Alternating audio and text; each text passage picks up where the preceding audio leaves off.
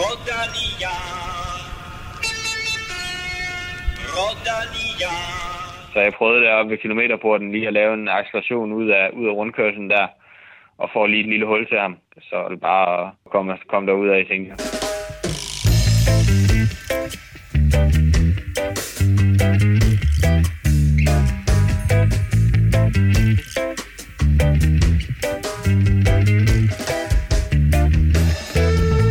Den danske mester Kasper Askren fik lov at åbne denne podcast. Den turaktuelle rytter kan du høre fra lidt senere. I alt er otte danskere blevet udtaget til Tour de France. Der er både overraskende deltagelse og overraskende fravær blandt de danske ryttere. Vi vurderer deres muligheder, kigger frem mod de første etaper og gennemgår alle hold og de vigtigste ryttere. Og dermed velkommen til mine to faste rullører, Kim Plesner og Stefan Djurhus. Stefan, øh, først og fremmest Dannebrogstrøjen til Kasper Askren. Ja, det var, det var rigtig flot kørt. Jeg synes, han, øh, han skabte løbet og kørte aggressivt, og han fandt et rigtig godt moment der øh, til allersidst, øh, hvor der lige faldt lidt stillestand, hvor han lige kunne øh, udnytte øh, tvivlen lidt i, i tracklejren. Så, så det var meget flot og fortjent, så vi må se, om øh, Dannebrostrøjen lige kan, øh, kan hjælpe ham til at, til at få den turetappe, som, som han var meget tæt på sidste år. Vi glæder os i hvert fald rigtig meget til at se Dannebro i, i turen, og den øh, kommer til at sidde rigtig smukt på Kasper Askren. Øh, Kim, en anden Kasper får debut i turen. Ja, det var lidt mere overraskende, kan man sige. Øh, og øh, jeg synes, at man skal glæde sig lidt til det interview, der kommer med ham, fordi øh, der kommer sådan en, en, øh, en hidtil uset øh, form for låst rolle, kan man godt sige. Der er, der er meget låst, øh, og det fortæller han lidt om, hvad, hvad hans rolle bliver i Tour de France. Og du kan altså høre fra Kasper Petersen øh, lidt senere her i vores øh, turoptagt udsendelse. Inden vi skal snakke mere tur, DM og danske ryttere, så en øh, kæmpe tak til de rigtige stjerner, nemlig vores støtter på tier.dk. Og Stefan, øh, vi bevæger sådan faktisk i rask tempo frem mod næste løgtrækning. Ja, det synes jeg, vi har fået øh, 9 på siden sidst, så vi er på 778. Sådan, fantastisk. Tusind tak til jer alle. Vi har jo allerede to øh, præmier i puljen, nemlig en Michael Valgren drikkedunk fra Tour de France 2015, og så den legendariske, originale Velropa kasket. Mit navn er Claus Elming, og du lytter til Velropa Podcast, præsenteret i samarbejde med Otze fra Danske Spil.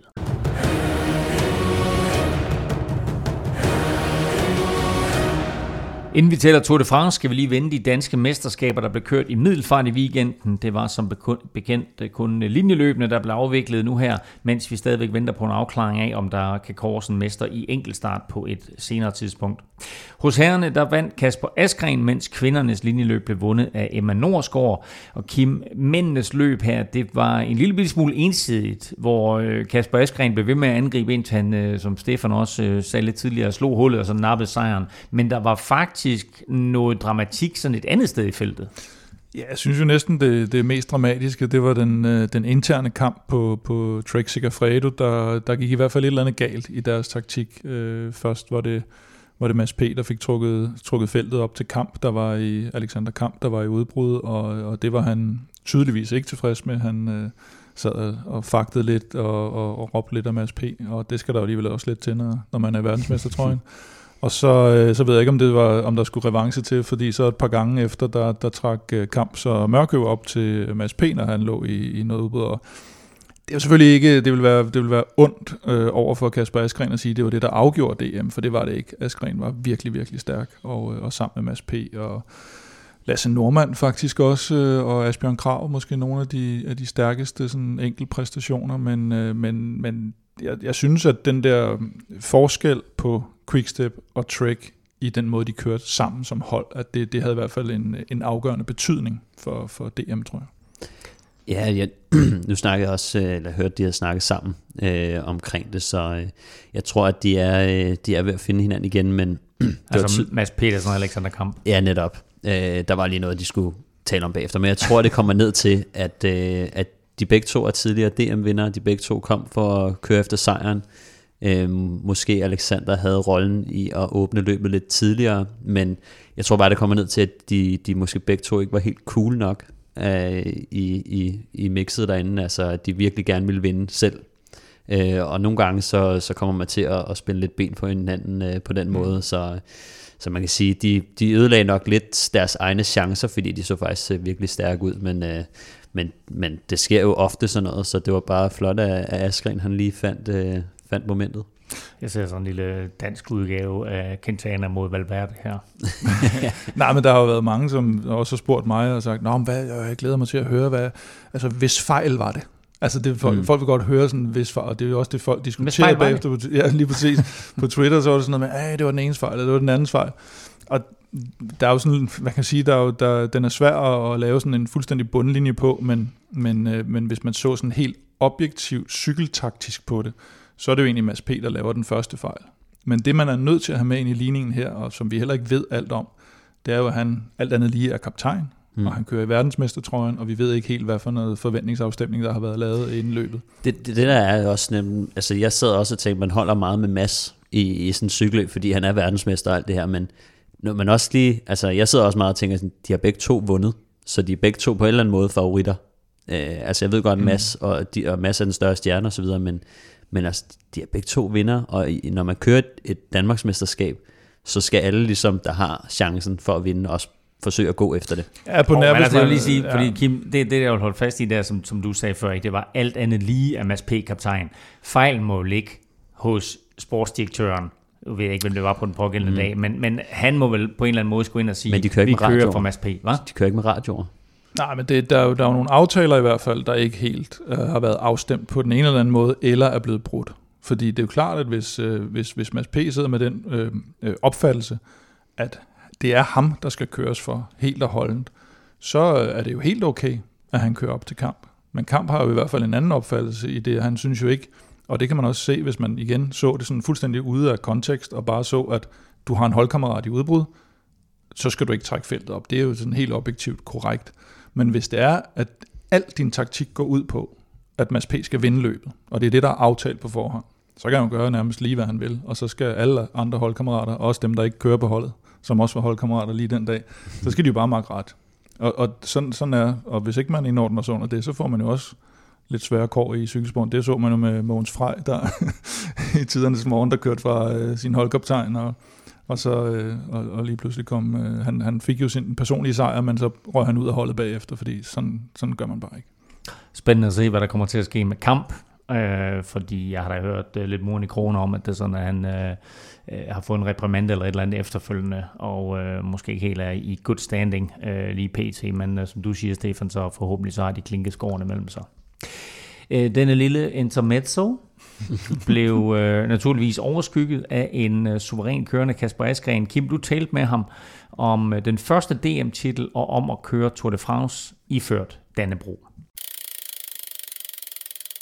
Der er noget med, at du vandt DM i går. Ja, det gjorde jeg. Det var vel... Øh, det var sgu meget fedt. Ja, det var okay, ikke? Jo, det er, det var en dejlig oplevelse. Hvor sikker var du på, at du ville køre en, øh, en topplacering hjem?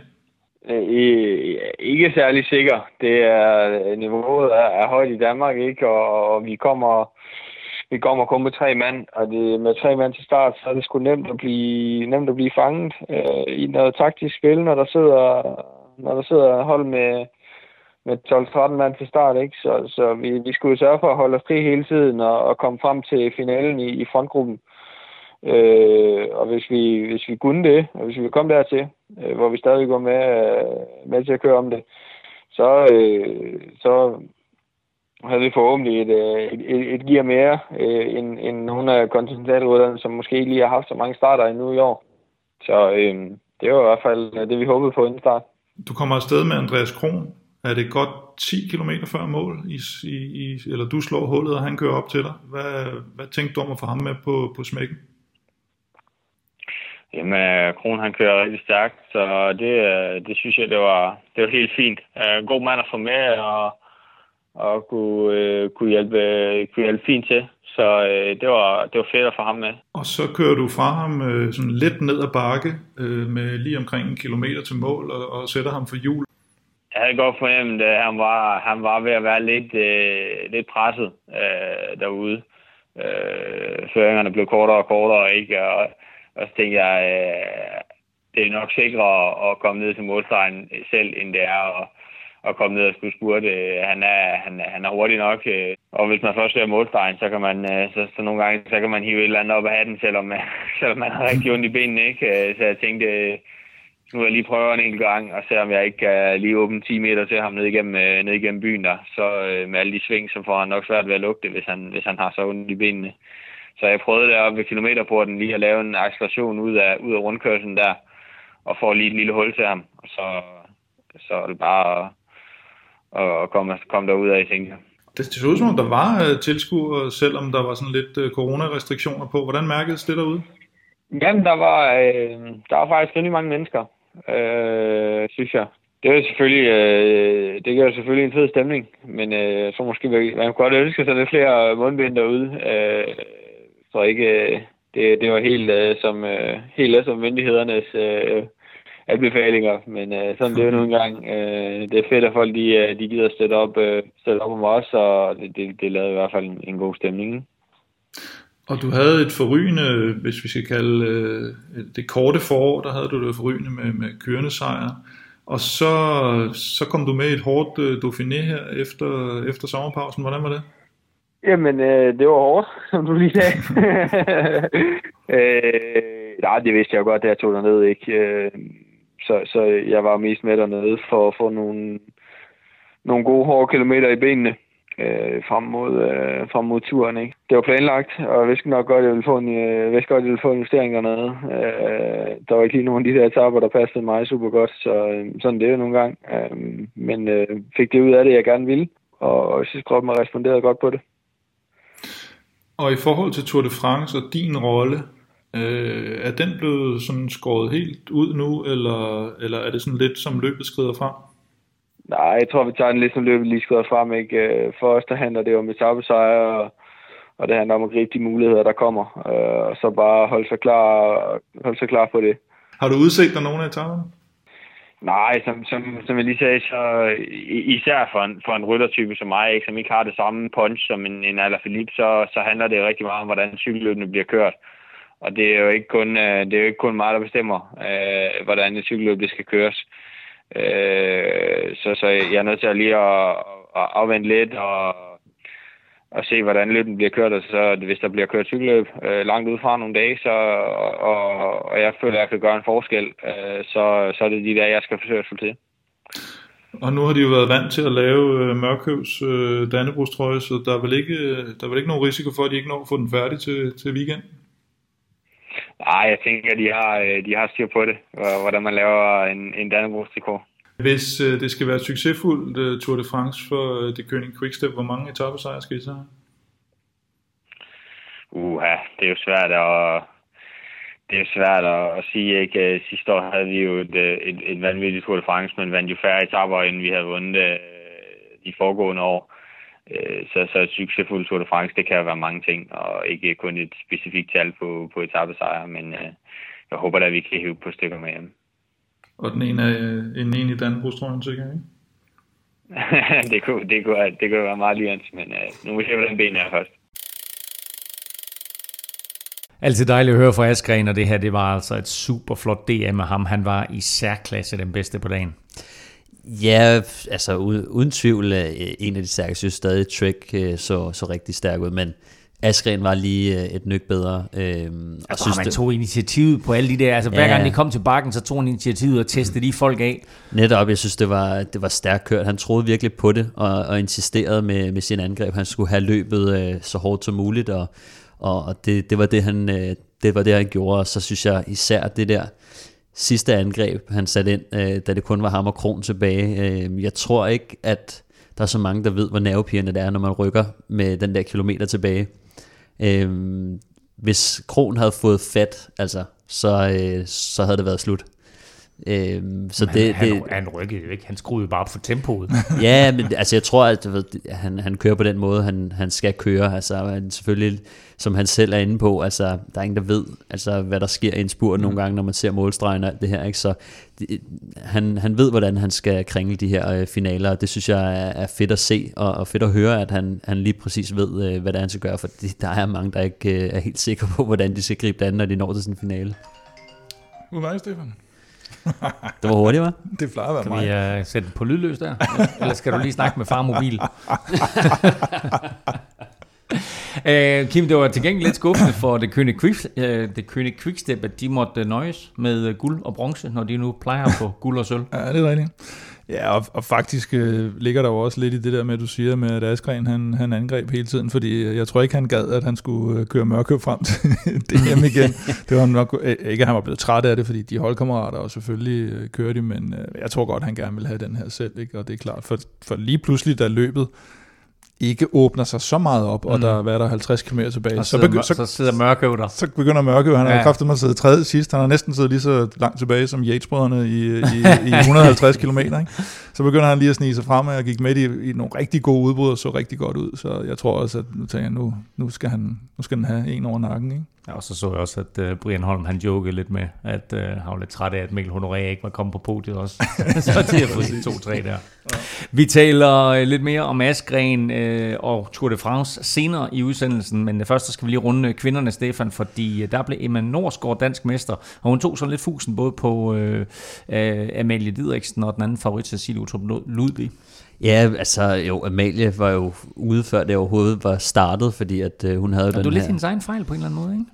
Jo, altså... Øh, altså det, det, hun brokkede sig i hvert fald bagefter over, at, sådan, at hun var ikke klar over reglerne, eller ikke brokkede sig, men hun, hun ja. sagde, at hun havde misforstået reglerne eller noget. Ikke? Ja, altså jeg, jeg tror, at det der sker, hun, hun får en punktering ret tidligt i løbet, og, og skal så skifte, skifte hjul. Hun, hun vælger så i stedet for at skifte til, til en træningscykel, som hun liggende i bilen, så vælger hun at skifte baghjul, og da de ikke har øh, mekanikere og udstyr med, så, øh, så er det hendes øh, kære far, Kenneth, som øh, var min første træner faktisk. Oh. Uh. Hvad hedder det? Han øh, er måske kommet lidt ud af rytmen. Er det, er det derfor, din karriere den også er gået i smadre? Er det fordi, det var Kenneth, der skulle skifte hjul for dig? ja, lad os, øh, lad os sige det. Hvad hedder det? Nej, men altså, hun, øh, de tager sig alt for god tid. Altså, øh, det, det, det tager alt for længe, så øh, det er nok længe siden, at Kenneth han har stået og, og skiftet hjul for Amalie, så, øh, så det, der ryger det lidt der. Hun, hun kommer aldrig tilbage i cykeløbet, faktisk. Øh, men det skyldes jo også, med, de talte lidt om, at om de skulle vinde på hende eller ej, men cykeløbet var ikke engang startet, da det skete, så, så i det, at Amalie, hun øh, tager en vel fire minutter eller sådan noget, og får skiftet det der 4-5 minutter, så, øh, så, så de andre sætter gang i cykelløbet, så det går jo ret stærkt i starten. Øh, og så, øh, så hun ligger bare og jagter faktisk. Og, og Men der var noget med, fordi altså det, det jeg prøvede på at sige før, det var, at hun har på fornemmelsen, at den der uskrevne regel om, at, at hun kan få lov til at lægge øh, på hjul af nogle biler, op de kørt op til bagenden af feltet, mm. at, øh, at den eksisterer, men det gør den ikke rigtigt, og derfor så kommer hun til at ligge alene på mellemhånd, ja. og kan ikke lukke det hul der. Ja, og, og der, der er faktisk mange cykelløb, hvor det ikke er, hvor det ikke er lovligt, men hvor man alligevel kan gøre det. Men øh, i, i udland, altså i udlandscykelløb, professionelt cykelløb, der, øh, der får man ofte lov at, at få et lille lift op igen. Øh, men øh, i sådan nogle her mesterskaber, der, øh, der tæller det sgu ikke rigtigt. Så, øh, så jo, altså lidt en tanketorsk, tror jeg, fra hendes øh, side. Øh. Til gengæld så åbnede det løbet op, og den, der udnyttede det, det var Emma Norsgaard. Ja, altså de, de kører jo de her syv øh, kvinder øh, ret, ret tidligt i løbet og, og, og, og kommer ind i, i en finale, hvor at Emma Norsgaard øh, bare viser sig at være, øh, være skræmmende stærk faktisk. Øh, Cecilie Utrup vi havde lidt svært ved at, at, at være med på det. Det var nogle powerful øh, kvinder, der, øh, der var med til sidst.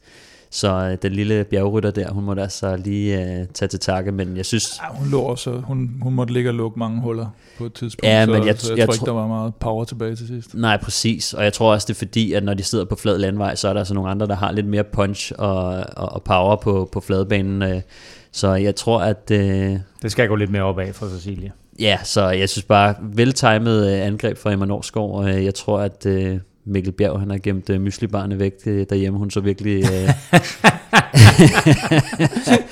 og til den ikke indlige lytter, så er Mikkel Bjerg og Emma Norsgaard kærester. Ja, uh, og de har vist været med i tv-program, der var meget sjovt på tidspunkt. Nå, men, uh, men ja, hun så utroligt trimmet og stærk ud og velfortjent. Uh, og i øvrigt, så, uh, så har hun jo også lige skrevet under med, en, uh, under med Movistar uh, på en toårig aftale, og hun blev også uh, træer til U23 EM øh, i går, så, øh, så hun, er, hun er altså på vej fremad.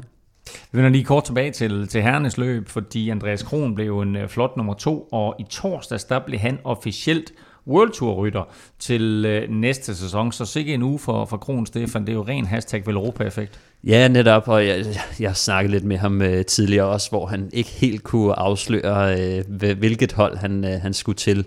Så, øh, så det, det har jeg ikke... Øh, jeg har Så, ikke så du har vidst det et stykke tid? Nej, jeg, jeg har ikke vidst præcis, hvilke hold jeg har fået nogle... Øh, var meget sjovt, han, han sagde sådan, at det var et europæisk hold, men det var ikke spansk, og det var ikke... Og så, så vi var nede til noget, men jeg, jeg tænkte, jeg gider ikke at, at spekulere i det, før at øh, den er bekræftet, så øh, jeg vidste godt, at han, at han var på vej, øh, så det var bare lige et spørgsmål om, hvor han, han endte. En toårig kontrakt med, med Lotto, øh, så jeg, jeg tror, han skal, han skal indgå i deres øh, klassikertrup. Øhm, Kron han er utrolig klog og, og stærk øh, ponchørrytter, som, øh, som faktisk har tabt sig lidt og er blevet lidt bedre til at køre opad. Øhm, så, så han bliver rigtig spændende at følge i, i, i sådan nogle... Nu, nu tror jeg, øh, måske kan det, kan det være, at han ikke lige skal øh, kommer direkte ind i, i toppen af Flandern rundt og så videre, men jeg tror på sigt, at det er løb som Flandern rundt, Liège, Bastogne, Liège måske, øh, som bliver, øh, som bliver, hvad hedder det, øh, de løb, han skal gå efter. Rigtig, rigtig spændende i hvert fald at, at følge Kron, der jo øh, har kørt godt i, i et par år her, øh, og altså også blevet nummer to til DM. Og i øvrigt mere dansk dynamit, fordi nummer 16 ved DM, han er kun 19 år gammel og hedder Frederik Vandal, og fra næste sæson, der kan han også kalde sig World Tour rytter. Den havde jeg ikke set komme. Nej, det var lidt af en bombe. Øh, jeg, fik, jeg hørte lidt om det her for, for et par uger siden. Øh. Men hvorfor fortæller du det ikke? Vi har en podcast, Stefan. Jamen, du kender du ikke, øh, du, dig som journalist, du må kende, at man ikke løber med sladder øh, med sådan noget her, ikke? Ellers så, så dør ens øh, kilder jo lidt, så gider de ikke fortælle en noget. Men øh, lidt af en bombe, øh, Frederik Vandal er jo faktisk en af de yngste, øh, hvad hedder det, World Tour rytter øh, i, i nyere tid. Øh, der er ikke mange, der har skrevet en, en, en World Tour kontrakt så tidligt, som han har. Øh, det, det, det er lidt specielt. Han er ikke rigtig bevist så meget endnu på seniorniveau. Altså han er jo, det er jo første år, han er oppe i senior, og der har nærmest ikke været nogen cykelløb, så selvfølgelig. Men, øh, nu skal man ikke lægge alt for mig i DM, men altså han bliver nummer 16 i et løb, som trods alt bliver kørt rimelig hårdt, og hvor der er en hel del store rytter, inklusive World Tour rytter, som ender mm. bag ved ham. Men du skal også tænke på, at det er ikke den her 16. plads, der gør, at han har fået kontrakten. så de på. har set noget andet. Øh, men, øh, men altså, han kommer jo meget ind for banen. Han har vundet øh, stort set øh, alle øh, discipliner i, på, i, inde på banen i U19-rækken. Øh, og så fik han også øh, den her øh, post, PostNord Danmark øh, årets talent 2018, efter han havde vundet alle de her discipliner på banen, øh, og har også øh, gjort sig rimeligt på, på landevejen. Så, øh, så det bliver ret sjovt at se. Jeg synes, det er meget satset at, at skrive en kontrakt, øh, men det er en treårig kontrakt, så det er faktisk lidt, øh, det er ikke så tit, man ser det som en, som en første kontrakt, så han har virkelig virkelig fået, fået øh, benet I godt ind. I cykelkredse ved folk godt, hvem han er, og der var jeg holdt øje med ham et stykke tid efterhånden. Ja, altså, men uanset hvad, så er det et sats for dem også at tage en, en, en rytter, der lige er blevet 19 år. Øh, man og ved ikke rigtig, hvad hans niveau er. Så er jeg ikke sikker på, at vi har fortalt, hvor det er, han skal hen, men uh, der er noget Bora, med... han skrue. Bora, så det er et af de store hold. Ved vi noget om, hvem der har formidlet kontakten mellem de to? Mm. Jeg ved det godt, men det kan jeg lige finde ud af. ja, øh, det siger du om tre uger. har gode kontakter. Ja, jeg ved, at han har været lidt ind over uh, Sec Racing, som er sådan en tur, mm, men jeg tror ja. faktisk ikke, det er dem, der har lavet aftalen. Uh, ja. Så uh, ja, så den, den må jeg lige give dig. Uh, tre uger. Giv Stefan tre Bum, uger. men altså Frederik Vandal, 19 år gammel, har skrevet kontrakt med uh, Bor Hans Skrue. Der blev også øh, afholdt nationale mesterskaber i andre lande i weekenden, og her kan vi lige nævne, at øh, NTT's Giacomo Solo vandt i Italien, Mathieu van der Poel blev hollandsk mester, og Arno Demar fortsætter sin fremragende sæson, da han søndag blev fransk mester, og så vandt Luis Leon Sanchez sit første spanske mesterskab i en alder af 36 år, eller altså næsten dobbelt så gammel som Frederik Vandal. Ikke en Europa podcast uden en quiz, og øh, stillingen i quizzen her, den er jo 21 point til Stefan Djurhus, 19 point til Kim Plesner. Vi talte lidt om øh, Mads Pedersen og det faktum, at han ikke vandt DM, så hvilken trøje kører han i nu her til Tour de France? Verdensmestertrøjen. Må jeg lige stille et kort spørgsmål? Ja. Meget kort spørgsmål. Ja, kom så. Er det en øh, quiz om en af Stefans venner igen i dag? Eller, eller er det noget... Det er en quiz om siger du, siger du efter, at du vandt 4-1 her for et par uger siden på en quiz, der tydeligvis var tilrettelagt til, til dine evner og Nå, det er alligevel en indrømmelse, altså, der ved noget her, at, at altså. Kim han skulle have en uh, quiz designet til ham. For nu stiller jeg lige nogle spørgsmål, som I ikke får point for. Ja. Hvilken trøje kører Mads P. i til Tour de France? Verdensmester, VM. Ja, hvorfor kører han i den? Det er, fordi han er verdensmester. Godt. Vinder han Tour de France? Nej. Godt. Quizspørgsmålet i dag er, Hvem er den sidste verdensmester, iført VM-trøjen, der har vundet Tour de France? Er spørgsmålet mm. forstået? Si, senor. Mm. Så har jeg kun én regel til jer to. Uf. Og alle jer, der sidder derude og quizzer med. Lad nu være med at google.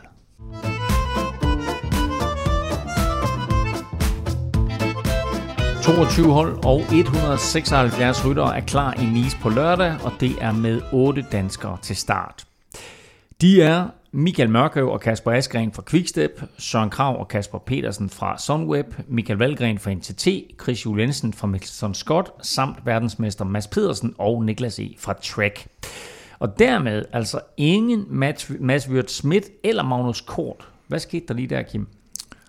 Ja, øh, kort havde, jeg havde skrevet lidt med, med kort frem og tilbage, og vi, vi kunne godt mærke, at den begyndte, så han skrev også selv, at den, den begyndte at, pilen pegede lidt nedad, og han var kommet ned til Italien og så videre, det var ikke gået så godt, men, men Mads Wirtz, den, øh, den, den kan jeg sgu godt forstå, forstå, at han var skuffet over, når man, både når man ser deres hold, og når man ser, øh, hvordan han ligesom var stillet udsigt, at han skulle med. Så der gik et eller andet galt. Nå, den var han kørt på sidste år jo, hvor han jo faktisk var en, en ganske positiv overraskelse. Ja, det synes jeg i hvert fald igen, når du sammenligner med, hvad det er, de har taget med i år. Det er jo ikke sådan, at de har taget sådan en Jumbo Visma-hold med. Vi kigger på holdene øh, lidt senere, men øh, der var jo til gengæld, apropos overraskelse og positiv overraskelse, øh, Stefan, så var der øh, gode danske nyheder, da både Kasper Petersen og Niklas E. kom med. Ja, det, det, det kan man sige. Det, vi, vi havde snakket lidt om, om Niklas E., og om hvorvidt øh, han ikke passede ind på et hold, der måske var lidt øh, fattigt i, i forhold til bjergrytter. Øh, så, så han kommer jo han kommer med, fordi at de har Bauke Mollema og Richie Port, som der skal have noget støtte. Så, så de har øh, Kenny Elizonde, og så var det Niklas E., der, øh, der heldigvis øh, blev, den, blev den anden i den øh, kvartet, som, som skal gøre sig til i bjergene. Og Kasper Pedersen, han, øh, han kommer så også... Øh, han kommer så også med. Han, øh, han skal støtte op om, om deres sprinter, Case Boll, som, øh, som de lige mangler lidt øh, støtte omkring ham. Så, øh, så han, øh, ja, som vi, som vi nok kommer ind på senere, så finder vi ud af, hvor meget øh, han faktisk øh, kan, kan hjælpe med. ja, fordi øh, Kim har nemlig talt med Kasper P. om forventninger forud for debuten i verdens største cykelløber. Det kan du altså høre om lidt senere. Men først så lad os lige øh, tage en snak om, hvad vi kan forvente af de andre øh, 6-7 danskere. Nu har du berørt Niklas E. lidt, men, men lad os starte med, med Kasper Pedersens holdkammerat på Sunweb med Søren Krav. Ja, altså Søren Krav er jo, er jo i hvert fald en af dem, vi skal have forventninger til, og, og skal være sådan en etape jæger og dem har vi nogle stykker af danskerne, og, øh, og heldigvis for ham, så er Sunwebs hold bygget op om det, øh, netop at, at skulle ud og jagte etaper, så, så der er mere eller mindre øh, fri rolle til ham hele vejen igennem, så, så hvis han kan holde dampen op, så er det fint. Ja, altså han, øh, de har jo bygget lidt op. De har en, lille team omkring øh, Case Boll, som blandt andet Kasper Pedersen, og så har de øh, de her rytter som øh, Søren Krav, Tish Beno og, og, og hvad hedder han, øh, Roach. Og Nicholas Roach, ja. ja. Øh, så, så de har nogle, øh, nogle frie roller, der skal ud og, og, og på de her togter, på, især på mellemetapperne. Øh, så så det, bliver, det bliver rigtig spændende. Han kom jo flyvende fra start i år, Søren Krav. Øh, har været lidt neutral øh, i, i, i genstarten her, men altså det er også bare øh, Strade Bianche, øh, som, øh, som var et meget hektisk løb, hvor han også punkterede og havde noget uheld og så videre. Så var det Milano Sanremo, øh, som jo er et svært løb at, at, at stikke ud i og så det her øh, meget bjergrige Dauphiné. Så, så jeg synes ikke, at, at man kan sige, at han er forsvundet. Så jeg, jeg tror, at, at forventningerne er, er i top øh, til Søren øh, med den måde, han, han kom fra start af i år. Michael Mørkøv fra øh, Quickstep har vel en øh, forholdsvis låst rolle, Kim? Ja, han er næsten den nemmeste at sætte ord på, ikke? for det er bare lead-out for, for Sam Bennett, og der er, ikke så meget, der er simpelthen ikke så meget andet at sige om det. det, det, det er meget, meget simpelt og præcist, og, og det er han, god, og det er han god til. en af, af verdens bedste, øh, og jo også meget markant, at, at uh, Sam Archbold ikke er med, men at det er Michael Mørkøv, der ligesom har den der hovedrolle øh, for at, at sætte Sam, Sam Bennett, eller give Sam Bennett den bedst mulige chance for at vinde etapper, og måske allerede første etape. Kasper Eskren, den danske mester, kører også for Quickstep, øh, og han var meget tæt på en etappesejr sidste år. Ja, det var han. Det var jo, øh, jeg kan huske, øh, nu sad jeg lige og så lidt af det her forleden faktisk, øh, hvor øh, det er Trentin, som, øh, som vinder etappen, øh, 17. etape til Gap, øh, hvor at øh, Trentin han faktisk øh, laver et ryg på et tidspunkt, hvor Kasper han har fronten, og man kan bare se på Kasper, han, han bukker hovedet ned, og så håber han bare på, at der er nogle andre, der lukker det. Det er der så ikke nogen, der gør og så han må selv øh, sætte angrebet ind, og, og kan desværre ikke hente øh, Trentin. Så, men utrolig flot kørt den dag, og, og øh, ser ud til, at han har i hvert fald øh, samme niveau i år. øh, specielt med den måde, han, øh, han vandt DM på. Øh, jeg tror, han kommer, som vi kender det fra Quickstep, så er det sgu meget sjældent, at øh, de kun har en kasket på, øh, dem de stiller start med, så jeg, jeg forventer egentlig, at han nok også skal være lidt hjælper for øh, i, i deres tog øh, for Sam Bennett. Øh, og øh, så skal han også ud og jagte tapper, og så kan det være, at han ender i, en, en udbudsgruppe, hvor Alaphilippe også sidder på nogle dage, og så skal han måske hjælpe ham lidt og så videre. Så, men altså, der burde... Og så får og, han vel også den gode gamle Lars Bak-rolle med. Nu stikker du bare snuden forrest i feltet, og så kører du. Det tror du ikke? Nej, det tror jeg ikke, fordi de har lige øh, skiftet Stibar ud med øh, Remy Cavagna. Ja. Og øh, de har Tim de Klerk i forvejen, og de to, det er altså nogen, der kan sidde og, og æde nogle kilometer der. Og der tror jeg altså faktisk, at, at Kasper er røget så langt op i hierarkiet, at øh, mm. det, vil, det vil i hvert fald, i mine øjne, ville være dumt at bruge ham på det. Fordi øh, sidste år, der, der lå han jo gjort det, og alligevel var han tæt på ja.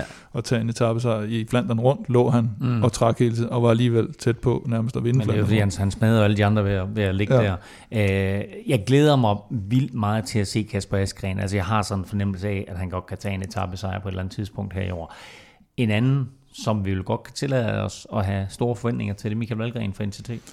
Ja, jeg ved ikke, ud fra de seneste sæsoner har vi, kan vi vel ikke næsten tillade os at have de store forventninger, men, øh, men vi ved jo, at han er en klasserytter, og han kører på et hold lidt ligesom Søren Krav, der, der ikke har det her øh, helt låste roller, så, så jeg, jeg er ikke i tvivl om, at han får en fri rolle, og han får lov at gå efter det, han, øh, han gerne vil gå efter. Og så er spørgsmålet, om han, øh, om han er ved at være der, hvor han kan begynde at gøre tingene færdige igen, som han, som han kunne for et par år siden, og det... Øh, det kunne være rigtig dejligt. Og det, det var lige her omkring på det her tidspunkt sidste år, at han begyndte at køre stærkt igen, ja. efter han havde et, et, et horribelt 2019 og toppet omkring uh, VM der, hvor, hvor Mads Pedersen selvfølgelig vandt, så, så hans uh, 5. 6. plads gik sådan lidt i glemmebogen, men jo ja. en, en, en uh, stor dansdag i Yorkshire.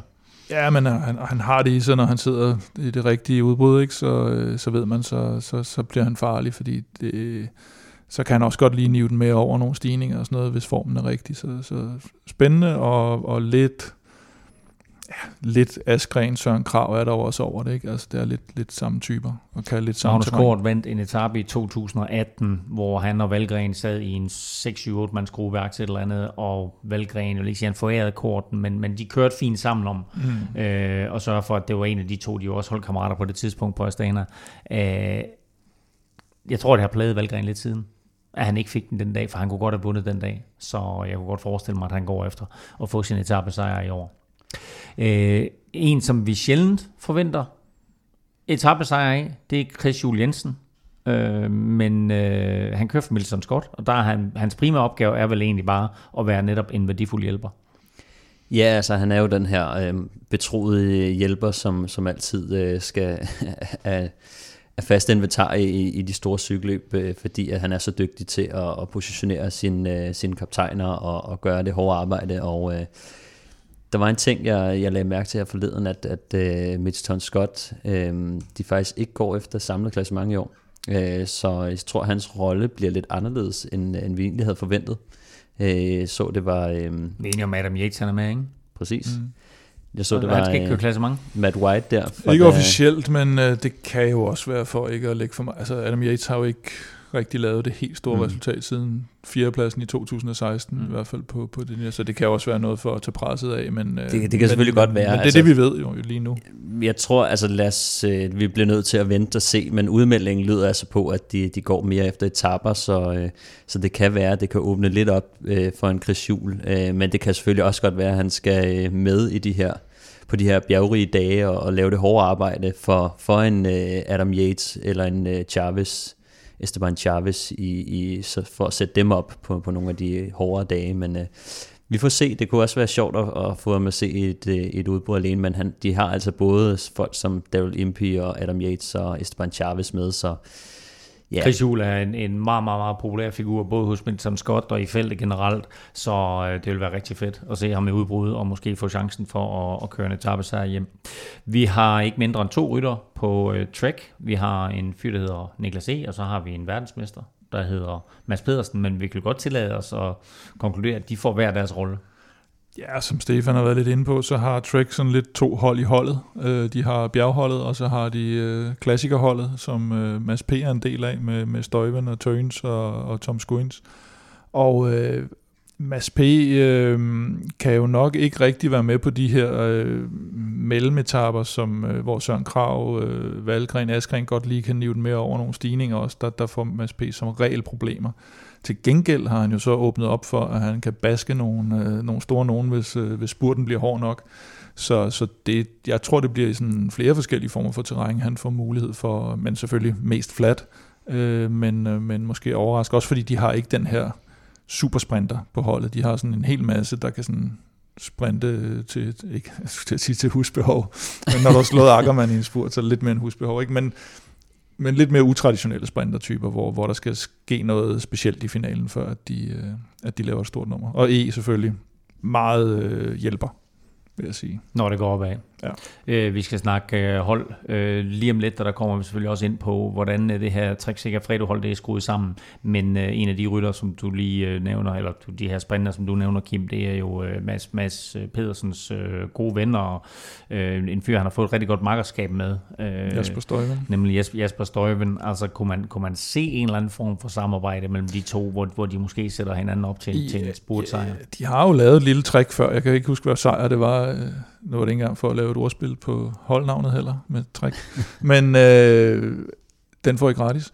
Hvad hedder det? Der lavede de jo sådan en, hvor øh, den ene lige pludselig bakker af, og de ligger foran, og så kører den anden og sådan noget. Og, og, og sådan nogle øh, små øh, juleleje der, det kunne man godt forestille sig, de, de skal prøve, for de skal prøve at være kreative i en Altså, kører de hjem til stregen med, med Caleb Ewan, og, og, og jeg kunne blive ved alle de andre, så det, den, den rammer de altså ikke. Øh, så skal de jo nærmest åbne den for 1000 meter mærket. Ikke? Men de, de skal finde på nogle måder at, at overraske på i de her finaler og lave noget ballade, og det, det tror jeg også, de er helt klar til. Og så bliver det jo bare super fedt, Stefan, at se verdensmesterskabstrøjen, regnbuerne, eller regnbuetrøjen der på en dansker i Tour de France. Ja, ja altså det, det er jo noget, som, øh, som vi ikke rigtig øh, har set før. Så øh, så det bliver, øh, det bliver rigtig sjovt, og som Kim også er lidt inde på, så tror jeg, at øh, de, både Jasper Støjven og Mads P. ideelt set skal ende i det samme øh, udbrud, og så, så ved vi, at de er knivskarpe i deres samarbejde der, så, så det, det er det, vi satser på. Une troisième victoire française sur ce Tour de France. Allez, allez Romain Victoire sur le Tour de France pour Romain Bardet. Il n'y aura pas de der er som sædvanligt 22 hold med, men i år er de fordelt med 19 World Tour mandskaber og så kun tre wildcards. Vi gennemgår nu alle holdene kort og får lige de vigtigste profiler på plads, og vi tager dem i alfabetisk rækkefølge og lægger ud med din yndlingsaversion, Stefan, nemlig Age 2 og ikke mindst øh, Roman Bardet. Ja, det er lidt speciel, en speciel udgave for, for dem jo, fordi de har øh, Bardet og de har øh, Pierre Latour, og de er delte kaptajner, der er de kommet til. Ikke bare, bare det, der er, der er øh, solokaptajn. Og så forlader de begge to holdet. Så det bliver sådan lidt noget mystisk noget, og de kører ikke rigtig efter klassement heller, eller gør de. Og, og det var meldt ud, at de ikke rigtig skulle køre Tour de France, på grund af, at man så kom corona, og så lige pludselig så passede det ikke ind i deres turprogram, og VM er udsat, og eller aflyst, ja, det, og så videre, eller i hvert fald udsat det, også. Det er noget råd. Det er noget råd på så, AG2, ja. Og derfor så, altså, så er spørgsmålet, er der overhovedet klassementstrømme her, eller er det her udelukkende etappesejre og eventuelt den prikkede, de går efter? Jeg, jeg tror at bare det, han lige ser, hvor længe han kan holde med. Det må han næsten gøre. altså, altså lige se, om, og, og så, så køre efter Men det er jo altid sådan, når du, når du skifter hold, så kunne jeg godt forestille mig, at på en eller anden måde er motivationen for det gamle hold måske lidt væk. Der er en grund til, at man skifter, som regel. Ja. Øh, så, så ja, altså jeg synes, det er utroligt skuffende øh, af en mand, som er blevet både nummer to og tre tidligere, at han kommer til start i en alder af, hvad han 29 år, og, og ikke går efter mm. øh, det samlede klassement. Så øh, der må være en eller anden rigtig god grund til, at han, øh, han skal prøve noget nyt. Øh, så, øh, så ja, det, det er lidt, lidt skuffende, men som Kim siger, altså nogle gange så, så ser vi det her med, at øh, de melder meget defensivt ud, og så prøver de sgu lidt alligevel. Så, øh, det bliver, det bliver spændende at se. Jeg synes også, eller... Nej, jamen, jeg vil egentlig sige, øh, nej, fortsæt. Nej, men jeg vil da bare snakke om, øh, hvad hedder det, Benoit Cosnefra, som de også har, som mm. øh, deres øh, nye, øh, nye stjerne egentlig, øh, som har udviklet sig til at være en, øh, en rigtig, rigtig fed type. Øh, jeg husker ham bedst fra, da han ikke ville tage føringer i Paris Tour med øh, Nicky ja. Terpstra og, og Søren Krav, og ja. synes egentlig, han var lidt en en kedelig type, men øh, jeg må sige, at øh, han har vist sig som en, en ret spændende puncher. Han vandt en etape i Occitan tidligere i år, for ikke så lang tid siden, hvor han vandt sådan en rigtig puncher-etape på, på flot vis øh, foran Pinot og nogle af de andre øh, stærke franskmænd. Så, så han, er, han er virkelig spændende. Så har de også Oliver Narsen, som øh, vi ikke skal glemme, selvom det nogle gange kan være lidt nemt, fordi at øh, der, øh, han, han har øh, haft det lidt svært med at, med at slå helt igennem. Men, ja. har, næ- men har næse for udbrud og... Jo, selvfølgelig. Og men han, jeg tror, han får godt af, at uh, Van Avermaet og, og nogle andre klassikere folk kommer til, til holdet næste år, og de begynder at satse mere hele hjertet på det, og han måske ikke får det der store pres, som han egentlig mm. har haft som, som, som klassikerkaptajn, som han ikke helt har kunne, kunne udfylde. Og der er så nogle af de her hold her, som kommer sådan lidt med det ene og lidt med det andet, vi kommer til at, at, at tale om alle sammen. Lad os bare tage, tage det her op med det samme. Den her tur, der er nogle stjerner, der er nogle favoritter, igen Banal, øh, Roglic med flere, men der må også være et hav af ryttere, som kigger på den her og så siger, der er ingen decideret kæmpe favorit. Der er ikke nogen, der ligesom øh, styrer det på samme måde, som, som Ineos har gjort før med Froome og med Grant Thomas. Altså, der må på en eller anden måde herske noget anarki, i hvert fald inden løbet går i gang, og en masse rytter, der sidder og kigger på det her og siger, vi har faktisk en chance i år, vi skal bare underspille for eksempel end bare det. Ja, jeg vil så sige, at hvis man så den måde, uh, Jumbo Visma kørte på i Dauphiné, der, der låste de det der nærmest i et uh, jerngreb, man næsten ikke engang har set. Oh, uh, Sky for eksempel er, er Kravsvej ikke ude, ikke? Altså, det ja, jamen, det er rigtigt nok. Uh, jeg, jeg tror... Jeg tror alligevel, det, det, bliver, det bliver relativt låst på de store etapper med, med Sky, skulle jeg til at sige, Ineos øh, og Grenadiers, eller hvad det de hedder, og øh, Jumbo Visma. Det tror jeg også mange gange, så er det med de her de her mindre hold, øh, som, som ikke har nogen klare favoritter. De skal ikke ind og dominere løbet, og derfor så kan de godt afsætte et par stykker, som, øh, som kan gå efter etappesejre, fordi det også har, har kæmpe stor værdi. Øh, så så de, de hold, som ikke har øh, den, de, de klare favoritter, øh, de, øh, de, kan, de, kan, de behøver ikke at stille med, med, med syv mand øh, til at hjælpe en kaptajn. Så, øh, så det, er, det er måske lidt spild at, at, at give op på alle etappesejre for at satse på, øh, på et samlet klassement. Jeg glæder mig i hvert fald til at se, hvordan, hvordan løbet udvikler sig. Øh, Astana kommer i år øh, uden danskere. Til gengæld så er det med øh, debut til Superman Lopez. Mm. Ja, han, han har jo kørt godt i både, i både Giro og Vuelta. Jeg synes, hans form har været sådan lidt... Altså, han, han fik en okay placering i Dauphiné, men det var efter, at de store var gået ud, og, og jeg, jeg synes ikke, han har set set helt ud, som om han er, hvor han skal være, men, men det skal du heller ikke øh, 14 dage før turen. Det, det er fint, hvis du er det i turen. Jeg, jeg tipper ham måske til en øh, sådan femte, mellem 5. og 10. plads i klassement eller sådan noget. Men jeg tror ikke, det bliver så. Jeg ser også øh, helt enig, fordi at vi, vi har bare til tider set ham være skræmmende stærk, og måske den bedste bjergrytter øh, har man nogle gange siddet og tænkt, ikke?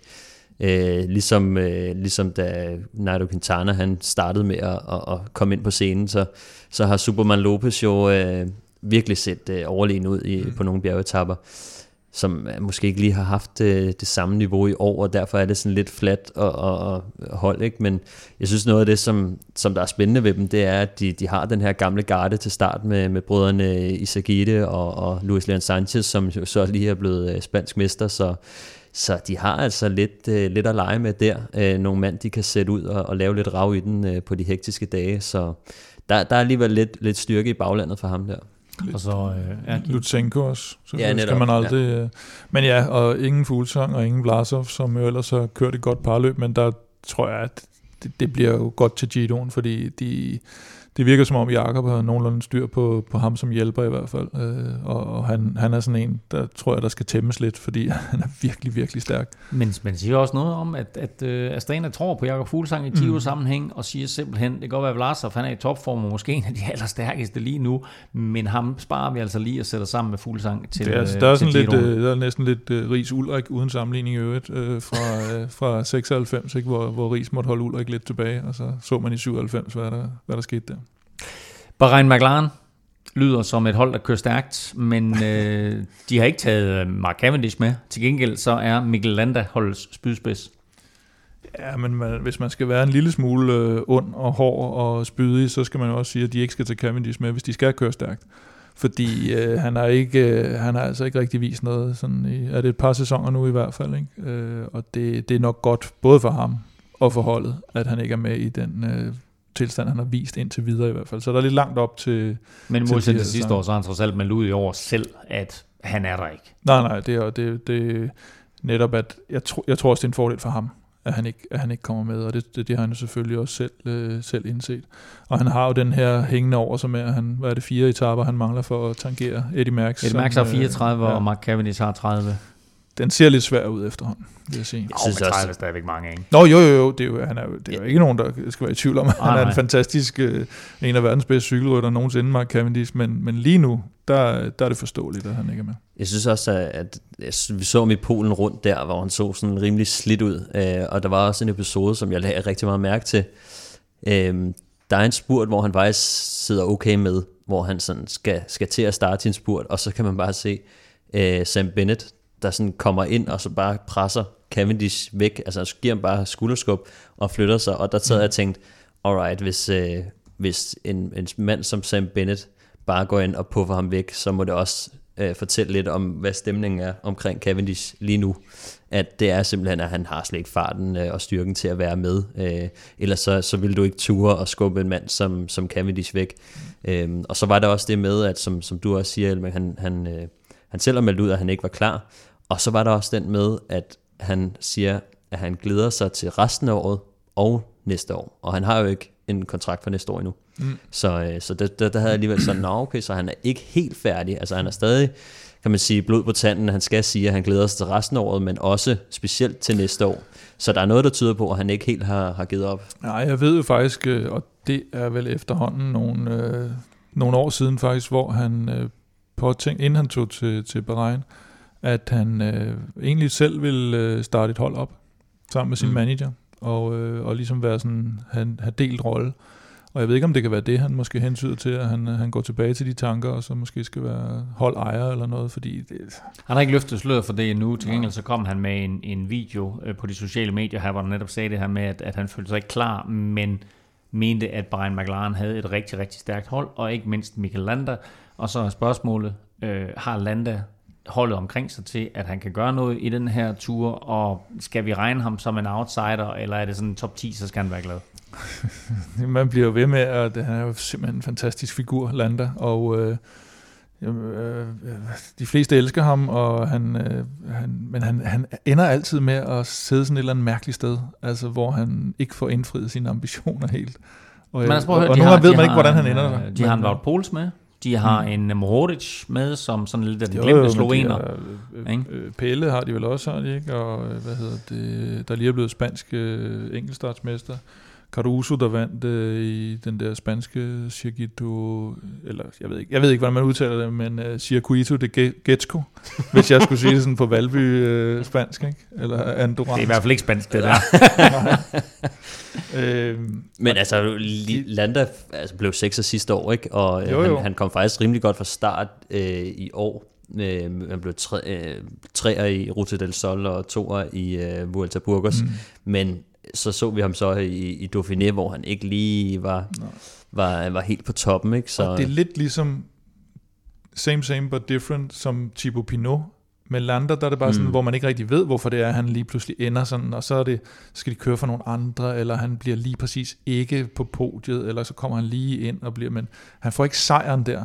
Og det som Pinot, der er det mere sådan noget mentalt, der, der, der lige pludselig kokser, ikke? men, men der, der, det er som om, der altid sker lige et eller andet med Lander. Han er kaptajn for Brian McLaren, ja. og det bliver rigtig interessant at se, hvordan han øh, forvalter den der kaptajnrolle. Øh, det tyske storhold bruger hans skrue. De kommer sådan navnemæssigt i øh, tæt på stærkeste opstilling, men spørgsmålet er sådan, i hvilken tilstand de kommer. Ja, det er det helt store spørgsmål. Både Schachmann, der blev kørt ned under Lombardiet, og stiller op øh, jo, med brækket gravben. Ja. Altså det er 14 dage siden, han brækkede sit gravben. Ja, men man kan sige, uh, Tyler Hamilton, han kørte bare videre med det, så der, han har trods alt fået 14 dage, ikke? Okay, ja, fair nok. Godt, nok. Ja, godt tak. Det, hvad var det, vi kaldte det med, med Lampard? En hyggeskade? Eller hvad vi kaldte det? Kravben?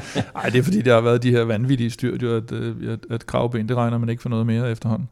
Uh, Bukman, han, uh, han var også lidt uh, ille ude, men der, jeg tror, det gik ret hurtigt, hvor man lige pludselig så noget, var det nogle Strava-filer eller sådan noget med, at han var, han var i gang igen. Men uh, det er lidt ærgerligt, fordi han var, han var sådan lidt på vej frem. Lidt en sådan defensiv type, man ikke sådan ser alt for meget. Altså han kørte jo verdens kedeligste fjerdeplads ja, sidste ja, år, Emmanuel Buchmann. Ikke? Jeg sad ja. og håbede på, angrib nu, gør nu et eller andet, ja. men han var tilfreds med den der top 5 placering der. Ikke? Altså han skulle ikke ud og lege med og, han, og, og pludselig tabe en masse tid. Han fik det, han, han kom efter, ikke? Og, og, det, kunne have været, altså det kunne have været virkelig et potent hold, hvis, øh, hvis de havde været i topform. Schachmann også, også til nogle af de første etaper her. Men man kan ikke have, de, man kan ikke have lige så store forventninger, især ikke i starten. Øh, og så har du, så har du Lennart Kemner, som bare mere og mere træder i karakter, som øh, lige pludselig i, i bjergene også, og i, i meget kuperet terræn, og går med i nogle gode udbrud og holdbar, og startede mere som noget sådan lidt enkeltstart, og så stoppede han karrieren, tror jeg, og så startede ja. han igen, og var med som, så var han lige pludselig på World Touren, men så alligevel med til noget U23 øh, verdensmesterskab, hvor han så blev to eller sådan noget måske. Så det har været sådan en virkelig underlig karriere, men nu ham, jeg tror måske i virkeligheden, det er ham, jeg har størst forventninger til. Og så har de vel ikke andre navne på, på hans skrue, hvis Koløj jo, jo, jo, jo, jo. Det, det har de. Ja, ja, jo, ja, altså, og det, der kommer med en, et rigtig godt uh, tip. Kom, kommer du med navn nu? Ej, jeg, jeg synes, uh, de har en, en spændende trup. De har Gregor Mühlberger og Felix Groschartner også. Han gik helt hen over hovedet på ham. har du hørt ja, hedder Peter Sagan? Har du, hørt, har du hørt om ham? Ja, selvfølgelig.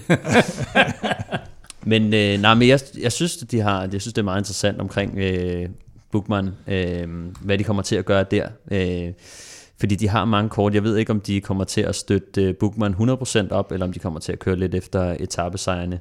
Men, øh, men jeg synes, øh, når man kigger på holdet, øh, så sidder jeg og overvejer lidt, om det kan være en dark horse til, til holdkonkurrence simpelthen, fordi at at Schachmann skal lidt i, i mm. udbrud og til sag. Sagan, han skal gå efter den grønne, mm. hvor han også kommer til at sidde i udbrud, hvis de kan sende Mühlberger og Grosschartner derud, og, og samtidig have Bukman til at køre, og Kemner også. Så lige pludselig mange øh, rytter, der kan gøre sig i, i de her udbrud, mm. og det er jo som bekendt kun tre, de første tre mand, der tæller. Så, øh, så det her, når de kommer til at tage, lad os sige, de får to-tre mand med i et, i et udbrud, der holder hjem, så, øh, så sidder de lige pludselig med rigtig gode kort. Ja, pointen er netop, at det er ikke de tre der ligger højst i klassementet, det er på alle etaperne, ja, hvor man kigger ja. på de tre første, der krydser stregen, og så lægger deres tider sammen. Øhm, og den har Movistar siddet tungt på i, i mange år, mm. men øh, her er altså en, en god outsider til det. Og så selvfølgelig Peter Sagan, som vi lige nævnte, øh, du har hørt om, Stefan, det er godt. øh, det lader ikke rigtig til, at, at, at der som sådan er noget hjælp til ham, og han har heller ikke fået sin bror med. Øh, hvad hedder han? Juraj. Juraj. Øh, så er det, er det sådan, at han skal, han skal klare sig selv? Ja, det tror jeg egentlig, og det, og det kan han også sagtens. Altså han har jo det der med at Øh, både faktisk i, i de massespurterne, så han er, han er god nok til at, at, at lige køre en top 5 hjem, stort set hele tiden. Og også i de indlagte spurter, han, det er ikke altid, han lige sådan sprinter igennem, men han, han mister kun sådan et-to point undervejs mange gange. Ikke? Og det vil sige, at de tager ikke ret mange point på ham, og så kan han gå med nogle steder, hvor sprinterne ikke kan gå med, og der skaffer han sig lige de der 20-40 øh, ekstra point, og, og det tager altså utrolig mange spurter at hente det igen på ham. ja, det er rigtigt. Men altså, der er også øh, Daniel Oss og, og Lukas øh, Postelberger, som, øh, som kan hjælpe ham i, i spurterne. Vi ved, at Daniel også han er en meget mm. øh, hvad hedder det, habil hjælperytter og har været det for, for Peter Sagan i, i noget tid nu, så, så ikke helt uden hjælp, men, øh, men, men, men vi ved også, at han skal, han skal ud på de her togter, som Kim øh, taler om, mm. hvor han, han basically øh, klarer sig selv. Seks gange har han øh, vundet den grønne trøje, eller er han oppe på syv faktisk allerede? Jeg tror, han er på syv, ja, hvis jeg skulle på syv, men jeg tror, jeg, jamen, det var også, fordi jeg synes bare, syv lød så voldsomt. Men han har faktisk allerede vundet syv, tror jeg. så du cutter lige en fra? Fordi ja, men, men, men, det er jo bare, prøv, det er jo crazy, ikke? Han har vundet syv, syv grønne trøjer allerede. Men uh, han går altså efter sin, uh, sin 8. i år. Uh, vi skal for sidste gang i år se Team CCC med i turen, eller tre gange teamet, det er ikke bare CCC. Øh, det er altså slut med, med, med polske sko og tasker som sponsor, øh, men kan, kan holde her, kan de give den snart tidligere ejer en etappesejr i afskedsgave? Jeg kommer til at tænke på, når du siger det, om, om altså var Easy On ikke også et polsk kondomfirma? Jo, jeg tror, det er derfor, det og stammer. Og Primdal ikke med og, og lukke luk handel dernede? Så det har, ikke, det har ikke altid gået for godt for de der polske sponsorer, men nej, men det er, det er et hold på vej i opløsning, og det er jeg er lidt spændt på at se, hvad, hvad, vi, får, øh, hvad vi får for dem her i turen. Øh, de har selvfølgelig en Van Avermaet, og, og øh, det Marki skal ud på sin sædvanlige togter sammen med Degent, og så, så vinder det Degent over ham øh, de fleste, eller 9 ud af 10 gange. og, og så har de selvfølgelig Trentin, som jo er en, en klasserytter, og som, som jeg tror er ligeglad med, om, om holdet stopper, eller hvor han er, eller hvilket land han er i, så kører han bare vedløb hele tiden. Øh, og så har de Sakharin, som jeg sgu ikke rigtig ved, hvor vi, hvor vi skal placere hende med efterhånden. Han, øh, ja, man blev nummer 9 i turen i 2018, og så øh, vandt han etape i Giroen sidste år, og ellers har der været rigtig, rigtig langt mellem snapsene. Vi skal øh, omkring øh, Kofidis, som jo har skiftet sin øh, pro-status ud med World Tour-status. Hvem skal vi holde øje med her? Ja, men umiddelbart er, er det jo faktisk uh, Guillaume Martin, der kommer med, med det bedste resultat for Dauphiné, hvor han blev træer. Og, øh, og han kører jo lidt sådan øh, Emmanuel Buchmannsk, øh, at, at man ikke nødvendigvis lægger super meget mærke til ham i løbet af, af, af sådan et etabeløb. Og må ikke han få snedet en, øh, en pæn øh, 8. plads hjem, eller sådan noget i, i klassementet måske. Han har, han har lige taget et par skridt op her, og så, øh, så har de en sprinter. Så har de en uh, Elia Viviani, som uh, har været lidt on-off, synes jeg godt nok. Uh, måske en lille smule mere off, end vi var vant til at, at se ham, da han var på, på Quickstep. Um, han, uh, han får lidt støtte af, jeg tror, Christopher Laporte og, og Simone Consoni, uh, som, som bliver dem, der skal, skal, skal, skal føre ham frem i, i spurterne. Men mangler jo en, en Michael Mørkøv til ligesom at afskærme ham og så videre. Og selv da han havde Mørkøv, der var han jo sådan lidt en freelancer. Ja, altså jeg tror det nogle gange, øh, de, de sagde jo selv, at de havde et skide godt samarbejde, men man kunne altså godt se nogle gange, at uh, han forsvandt lidt fra, fra Mørkøvs jul, uh, som skaber stor frustration, når man sidder og prøver at hjælpe en, og, og egentlig formår at komme frem, og så sidder sprinteren ikke på, på dæk og sådan noget. Det er jo forfærdeligt. Altså, man, det, det er forfærdeligt, men vi må se, hvordan det har ikke fungeret optimalt i Cofidis-trøjen, men vi ved jo altså, at han, øh, hvis han nogle gange øh, finder momentet, så, så er han altså manden, der, der lige popper op med en, med en overraskende sejr. Øhm. Han er en af feltets hurtigste, og øh, første etape kunne godt ende i en sprint, og det er klart, at øh, der vil være kamp om at få den der første gode med ham, synes jeg bare nogle gange er, at han har svært ved at få røven med sig op over øh, stigningerne, mm. øh, og der ser vi altså nogle af de her Sam Bennett øh, og, øh, og Caleb Ewan og, og Peter Sagan og sådan noget, som bare er lidt mere øh, alsidige, når det kommer til, til det krævende terræn. Så, øh, så, så han er bare den der mere klassiske fladbanesprinter, øh, som endda også ikke er, er sådan en rigtig powersprinter, men mere sådan en, der lige skal, have, skal ramme momentet. Øh, men øh, bestemt stadig en, en farlig her. Og så kommer øh, Kofidis jo altså også med øh, et af de absolut øh, fedeste navne i international cykelsport, synes jeg nemlig Pierre-Luc Berichon. Jeg er medlem, fordi Zetland udfordrer mig, kommer med nogle nye vinkler på tingene. Det er et medie, som har et udsyn, som er grundig i sin tilgang til, til nyheder, og som jeg synes giver en spændende vinkel på mange forskellige emner. Yes, det er et stykke tid siden, at vi har haft Zetland med, men nu er det tilbage, og det er med en endnu bedre deal end sidst. Er du øh, fastlytter af Europa Podcast, så har du måske allerede prøvet Zetland, og har du ikke, så synes jeg, du skal gøre det nu, fordi så får du en super fed nyhedsdækning i ørerne hele tiden, uanset om du sidder i bilen, på cyklen, eller måske ser sådan en øh, kedelig transportetappe i turen.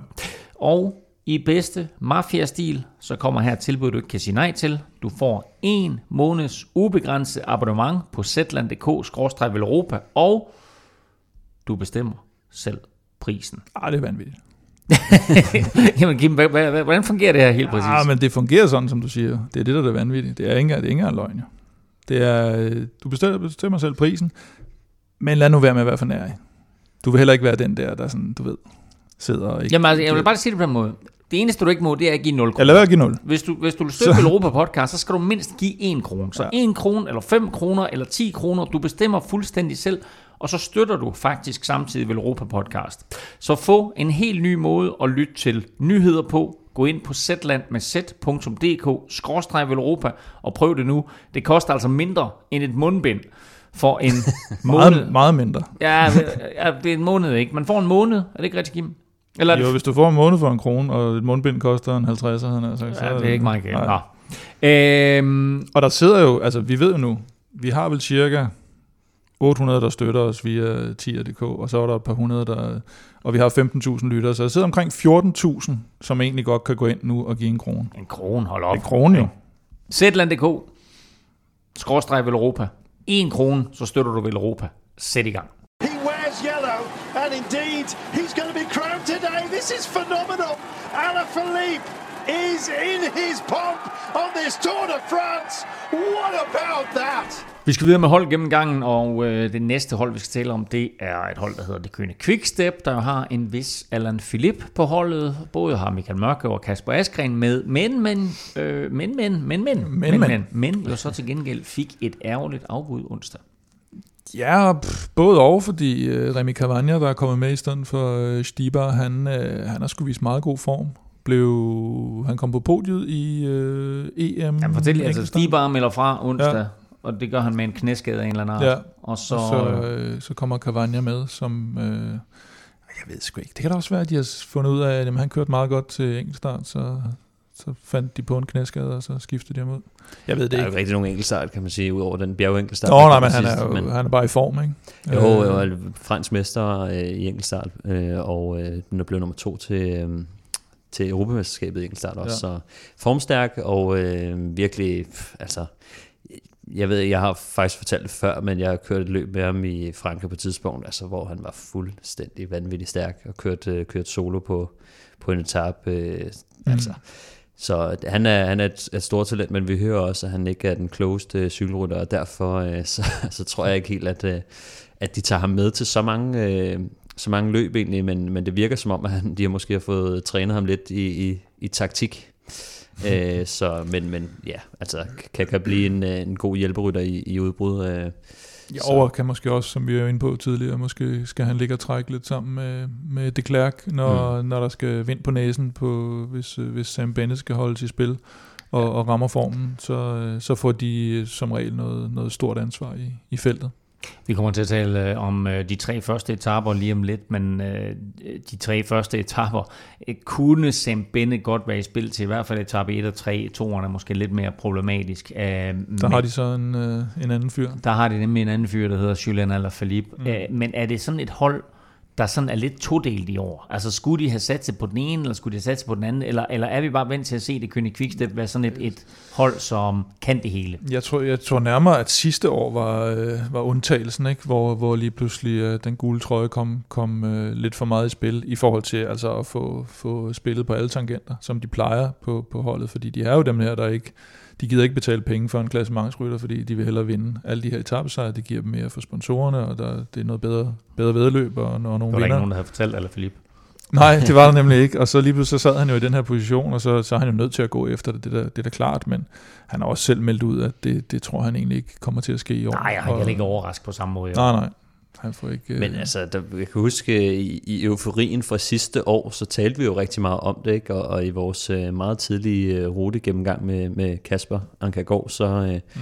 blev han også ved med at nævne øh, Alaphilippe til den her, men, øh, men på samme måde som sidste år, så er han ikke en af favoritterne, og, og, og, og altså, og må øh, formodes at få lidt, øh, lidt snor, øh, hvis han, han taber noget tid. Øh, ja, mm. Men altså, spændende at se, om Men han... de lader ham ikke bare køre jo. Nu, Nej, øh, nu, præcis. nu ved de, at nu, får han, altså, nu bliver han holdt øje med ham i starten, og det er klart, hvis han så lige pludselig tager tid, så får han lov at, at køre igen, men han får ikke lov at, at, at få noget som helst snor i starten. Det gider de altså ikke at skulle sidde og hente ham ind igen. Men øh, etaperne, øh, for eksempel anden etape der, der, øh, der ligger den rimelig godt til ham, ikke? Ja. Så, så det kunne sagtens være, at øh, han, han havde en gul trøje allerede der, og så hvad skal de så gøre, ikke?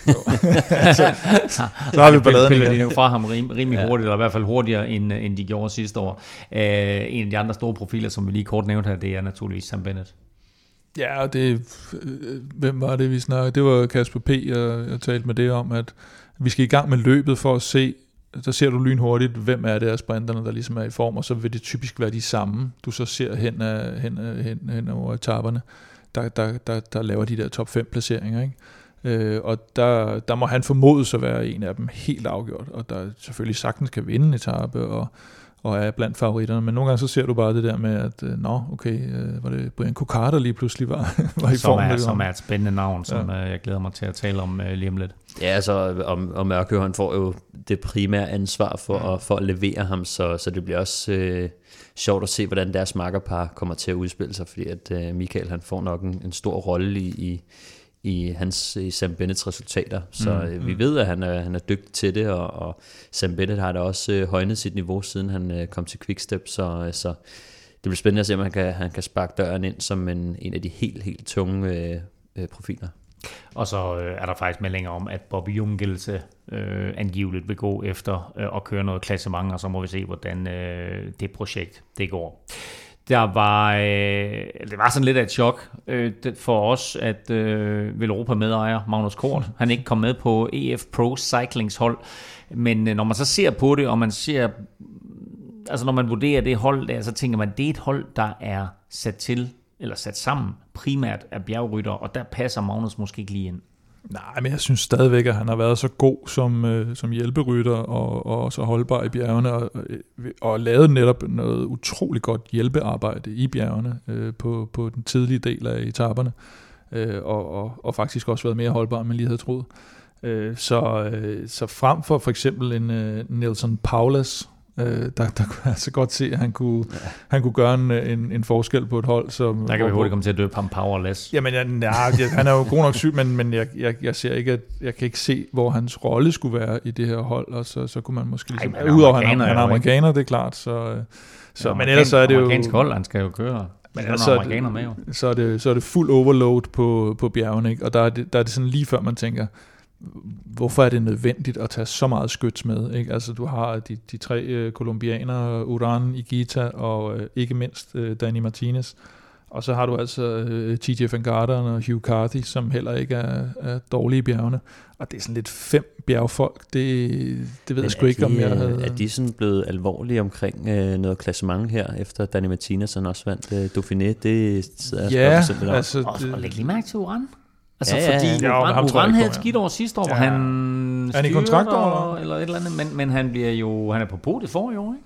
Han får den der anden plads, ja. øh, hvor han øh, blandt andet vandt den der etape, hvor hans, øh, hvor hans gear, gear satte sig fast, Præcis. og den tabte jeg rigtig, rigtig mange penge på, hvor Bagil tror, han har vundet ja. og rækker armene i vejret. Og jeg har Bagil og spillet ja, på ham jeg, tungt. Jeg spillede ja. på Uran den dag faktisk, så jeg sad og blev helt ærgerlig, da han skier det kom over. og jeg sad og jublede. Nu, øh, nu den væk.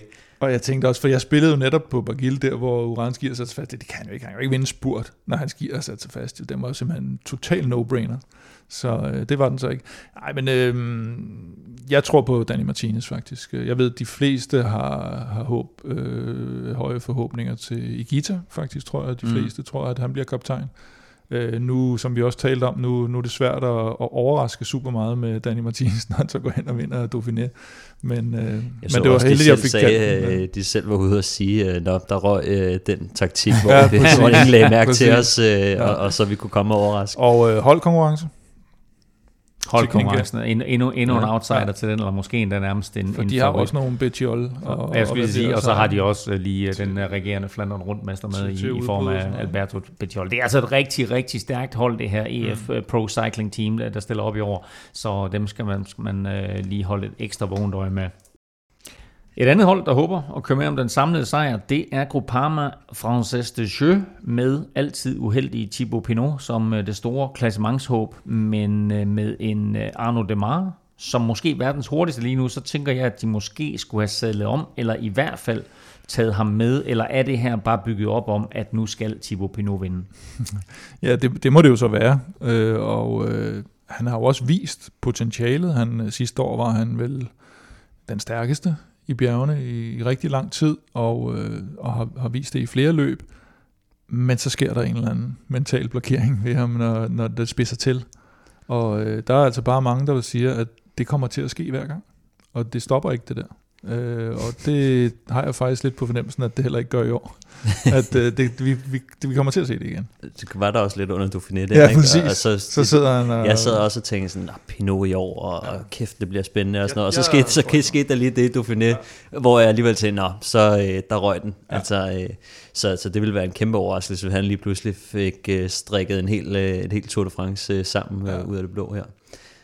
Han overophedede i Giroen for et par år siden, han øh, havde den der muskelskade, eller hvad det var for noget, i turen sidste år, og så lige her for en uge 14 dage siden, mm. der blev han træt på en eller anden måde. Jeg tror, I, i, i Dauphiné, men altså, det her det er vel sagtens det største franske håb i mange år. Og nu nævnte du, Stefan, før, at ruten her, som Kasper Nkagor gennemgik øh, i afsnit 85 i øvrigt af Velropa podcast, øh, at det var tilrettelagt til Julian Alaphilippe. Hvis man kigger på den, mm. så er den tilrettelagt til Thibaut Pinot. Et, fordi alle etaperne ligger på en eller anden måde, så han kan være med. Og to, den næst sidste etape er en enkelt start, som ligger med afslutning op ad Planche øh, de Belfi, og øh, det er lige mere eller mindre i hans baghave. Så, så det her det er en tur for, fra franskmændenes side, hvor, hvor de håber på, nu får vi en fransk vinder, og det her det er vel håbet. Den er designet øh, perfekt, og, øh, og han har jo vist det topniveau, der skal til for at vinde det Tour de France. Det har han vist. Han har bevist, at han kan nå derop. Så hvis ikke der kommer den her mentalt, mentale blokering, som så nogle gange måske øh, ud, udmyndter sig i noget fysisk, tror, har jeg lidt på fornemmelsen, så, øh, så er der slet ikke noget i vejen for, at det ville næsten være meget naturligt, at han så gik hen og, og vandt Tour de France. Men jeg, jeg, jeg synes, jeg bare har set det så mange gange nu, at det kan ikke være tilfældigt, at det sker hver gang.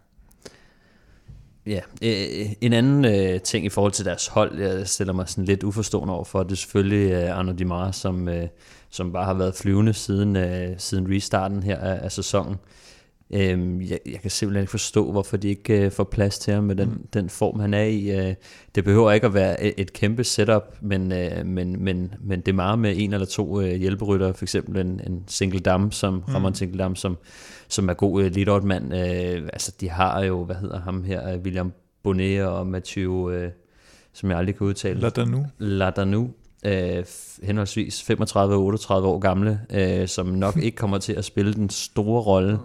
Øh, men altså er gået all in øh, på Thibaut Pinot, øh, som kan vise sig at være lidt risky, når Arnaud Demar, han måske kan være garant for, for to etappesejre. Så De har valgt monsteret øh, Stefan Køng med, de har unge David Gody med, som er en af dine helte, Kim. Øh, De har Valentin Madouas med, og Rudi Mollard, og så den tidligere svejtiske mester Sebastian Reichenbach. Så et hold, der trods alt er bygget op omkring øh, Thibaut Pinot og give ham alle muligheder, og altså har ikke øh, valgt at satse i begge retninger, selvom øh, det lige nu kan virke mærkeligt, at de ikke har det Ardo meget med. Og igen i forhold til holdkonkurrencen, altså Reichenbach, han plejer faktisk gerne at holde sig sådan inde i en, en top 20 i hvert fald, måske endda nogle gange tættere på top 10, og hvis Gody lever op til, hvad han godt kan, og ikke lader sig falde tilbage, når han har afsluttet sit arbejde, og Pinot, han, han holder sig frem, så holdkonkurrencemæssigt er de, er de også lidt farlige, men til gengæld sender de nok ikke særlig mange i udbrud. I, i forhold Det er i hvert fald rigtig, rigtig spændende at se, øh, ikke om, men hvornår Thibaut Pinot han går kold.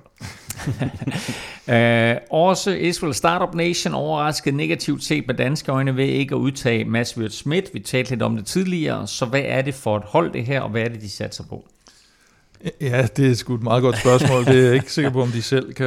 Og jeg, jeg skrev også lige kort med, med Mads om, om hvad, hvordan... Altså mere sådan selve holdet, altså hvad er det, der sker på holdet. Froome kommer ind næste år, de har fået en masse rytter ind, Michael Woods og, og, øh, og Carl Frederik Hagen fra, fra Lotto, den nye nordmand der. Og, og det, er jo, det er jo et spændende projekt, kan man sige, men lige nu virker det bare som om, at at enten man, at man har givet op i år, eller øh, siger sådan lidt, vi, vi, vi, nu laver vi noget, noget kluder, halløj, og så, så ser vi til næste år, om ikke vi øh, Kan vinde med samler Chris det på den. Nå nej, men altså, det, det virker underligt. Altså, jeg kan godt se ham der, jeg ved ikke, hvordan man ud, jeg er ikke så, mit skole-israelsk er ikke helt up to date, men Guy Niv, eller hvad han hedder.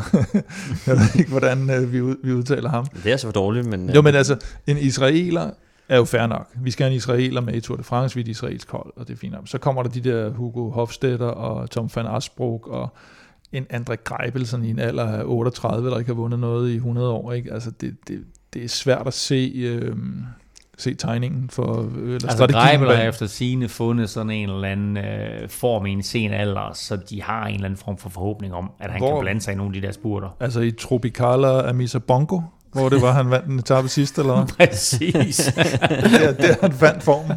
Han har været nede med sådan en voodoo-type dernede i, i, i Afrika. Jeg tror, du havde ville have en chance dernede, faktisk. Ja, det er ikke engang løgn.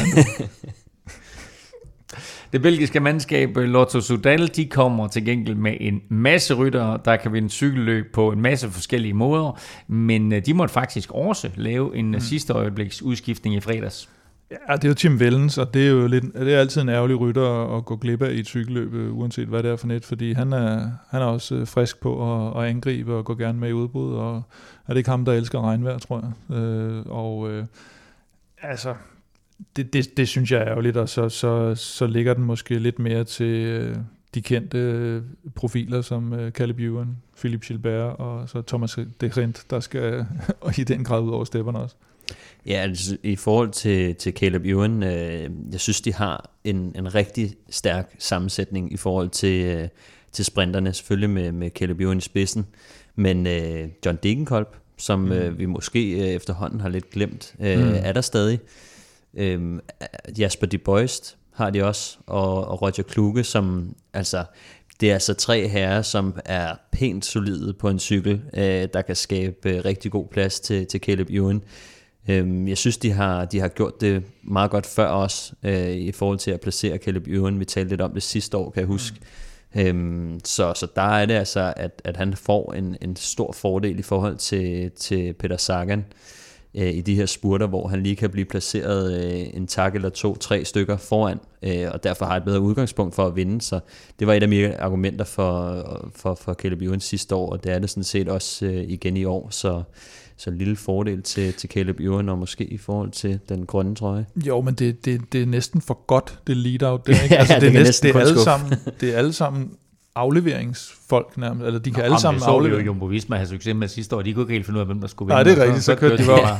Men altså, det var jo så Klu- og Kluge plejer at være ham, der, der afleverer ham til sidst der og sådan noget, ikke? Men hvad, altså, det, Det er også nok, lidt, det, er ikke, det er ikke en kolde år som sidste jo, år, men det er ikke mærkeligt i hvert fald, hvis Degenkolb skal køre sådan 2-3 km udefra, ikke? Det virker også sådan underligt, at Jo, altså Jasper De Boist har i hvert fald været manden øh, i, i mange cykelløb for Caleb Ewan, mm. øh, og det har han gjort øh, rigtig godt. Øh, er selv en super hurtig herre, men de er bare sådan nogle typer, der sidder virkelig, altså det lyder mærkeligt, men de sidder bare fast på cyklen, ikke? Mm. Altså de, de bevæger sig... Det kan også være, at de laver det der trick der med at egentlig køre den for, for Degenkolb, hvor alle, alle tror, det er for, for Ja. Ewan, og så lader de Degenkolb køre den. Jeg Det er, i hvert fald, det er i hvert fald et vanvittigt hurtigt tog, og så har de jo altså også lige udbrudskongen, øh, Thomas de Rent, og hvad, hvad er det med, at de har? De har et par andre stykker. Gilbert. Gilles, Nå, ja, ham, har, ham har jeg faktisk hørt Ham om. med jakken. Ham, ja, ham med jakken, ham har jeg faktisk hørt om.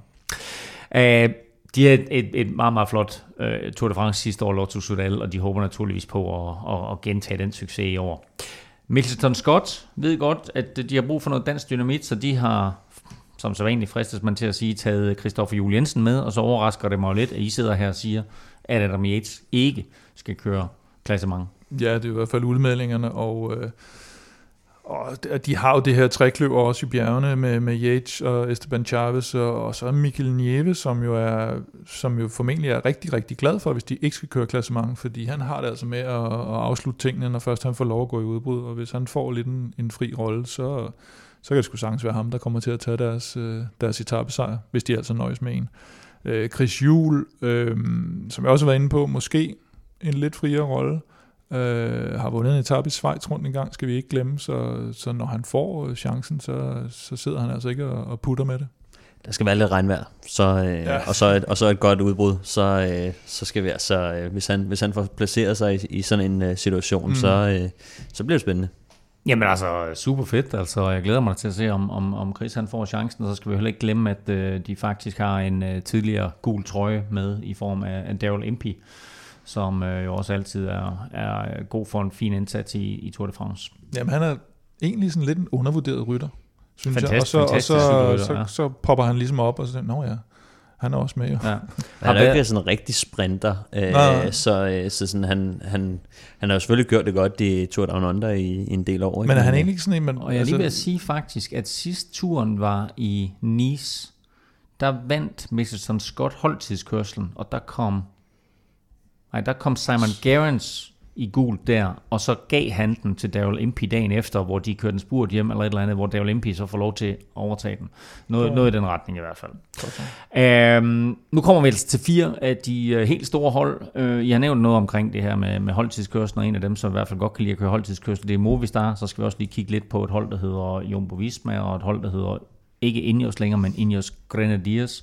Og så set med danske øjne også en spændende tur, øh, som vi går og står for her med, øh, med team, øh, eller med NTT Pro Cycling. Vi lægger ud med Movistar, øh, som ikke længere har en øh, tredelt, sådan udefineret kaptajnrolle, men derimod, øh, ja, hvad har de egentlig, Kim?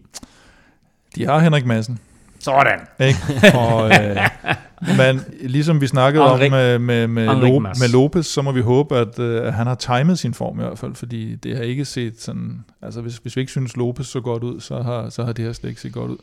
Så har vi jo Valverde, som øh, er lidt det her, øh, det her wildcard, og når man så, hvis man har set den der Movistar-film, det kan man også godt se, så, ja, det, ja, så, og så så, så er han der, og så ved man ikke rigtig lige. Og, men han skal også nok være der, og, og, og sikkert, sikkert også få vundet, vundet sin etape.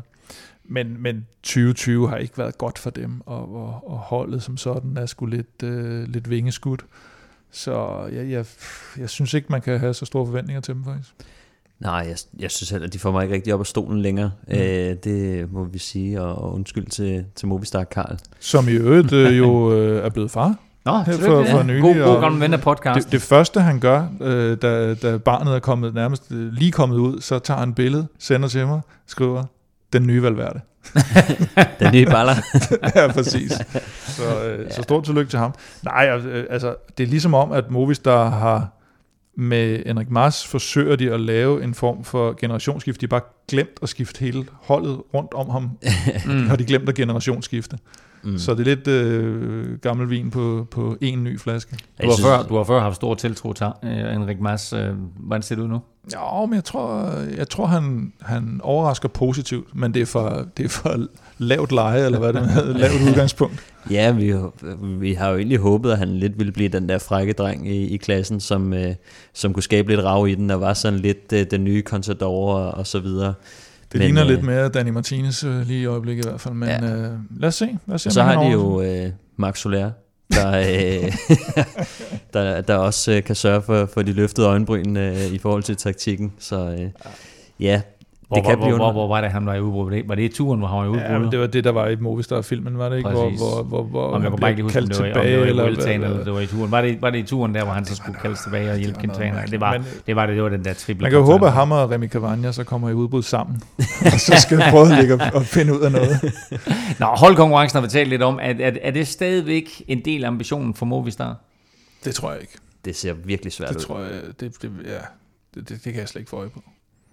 Det kan godt være, at de går efter den, men jeg, jeg kan ikke få øje på, at de kan vinde. Det, det kræver så i så fald, at øh, Enrik Mas skal være virkelig vanvittigt stærk, og Valverde skal være rigtig, rigtig stærk, og Max Soler skal være stærk, og de kan få sat øh, hvad hedder det, resten, øh, Cataldo og, og de andre ud, i nogle udbrud og sådan noget, men det, det ser virkelig svært ud for dem. Det tror jeg, de dropper. Vi har, vi har talt lidt om det. Øh, altså, det er så nærmest efterår, det er det især, hvis man, hvis man kigger ud af vinduet her. Øh, og NTT Pro Cycling har taget Michael Valgren med. Hvis vi nu kigger tilbage på sidste år, vi nævnte, vi talte lidt om det tidligere, mm. så kunne det godt gå hen og blive interessant.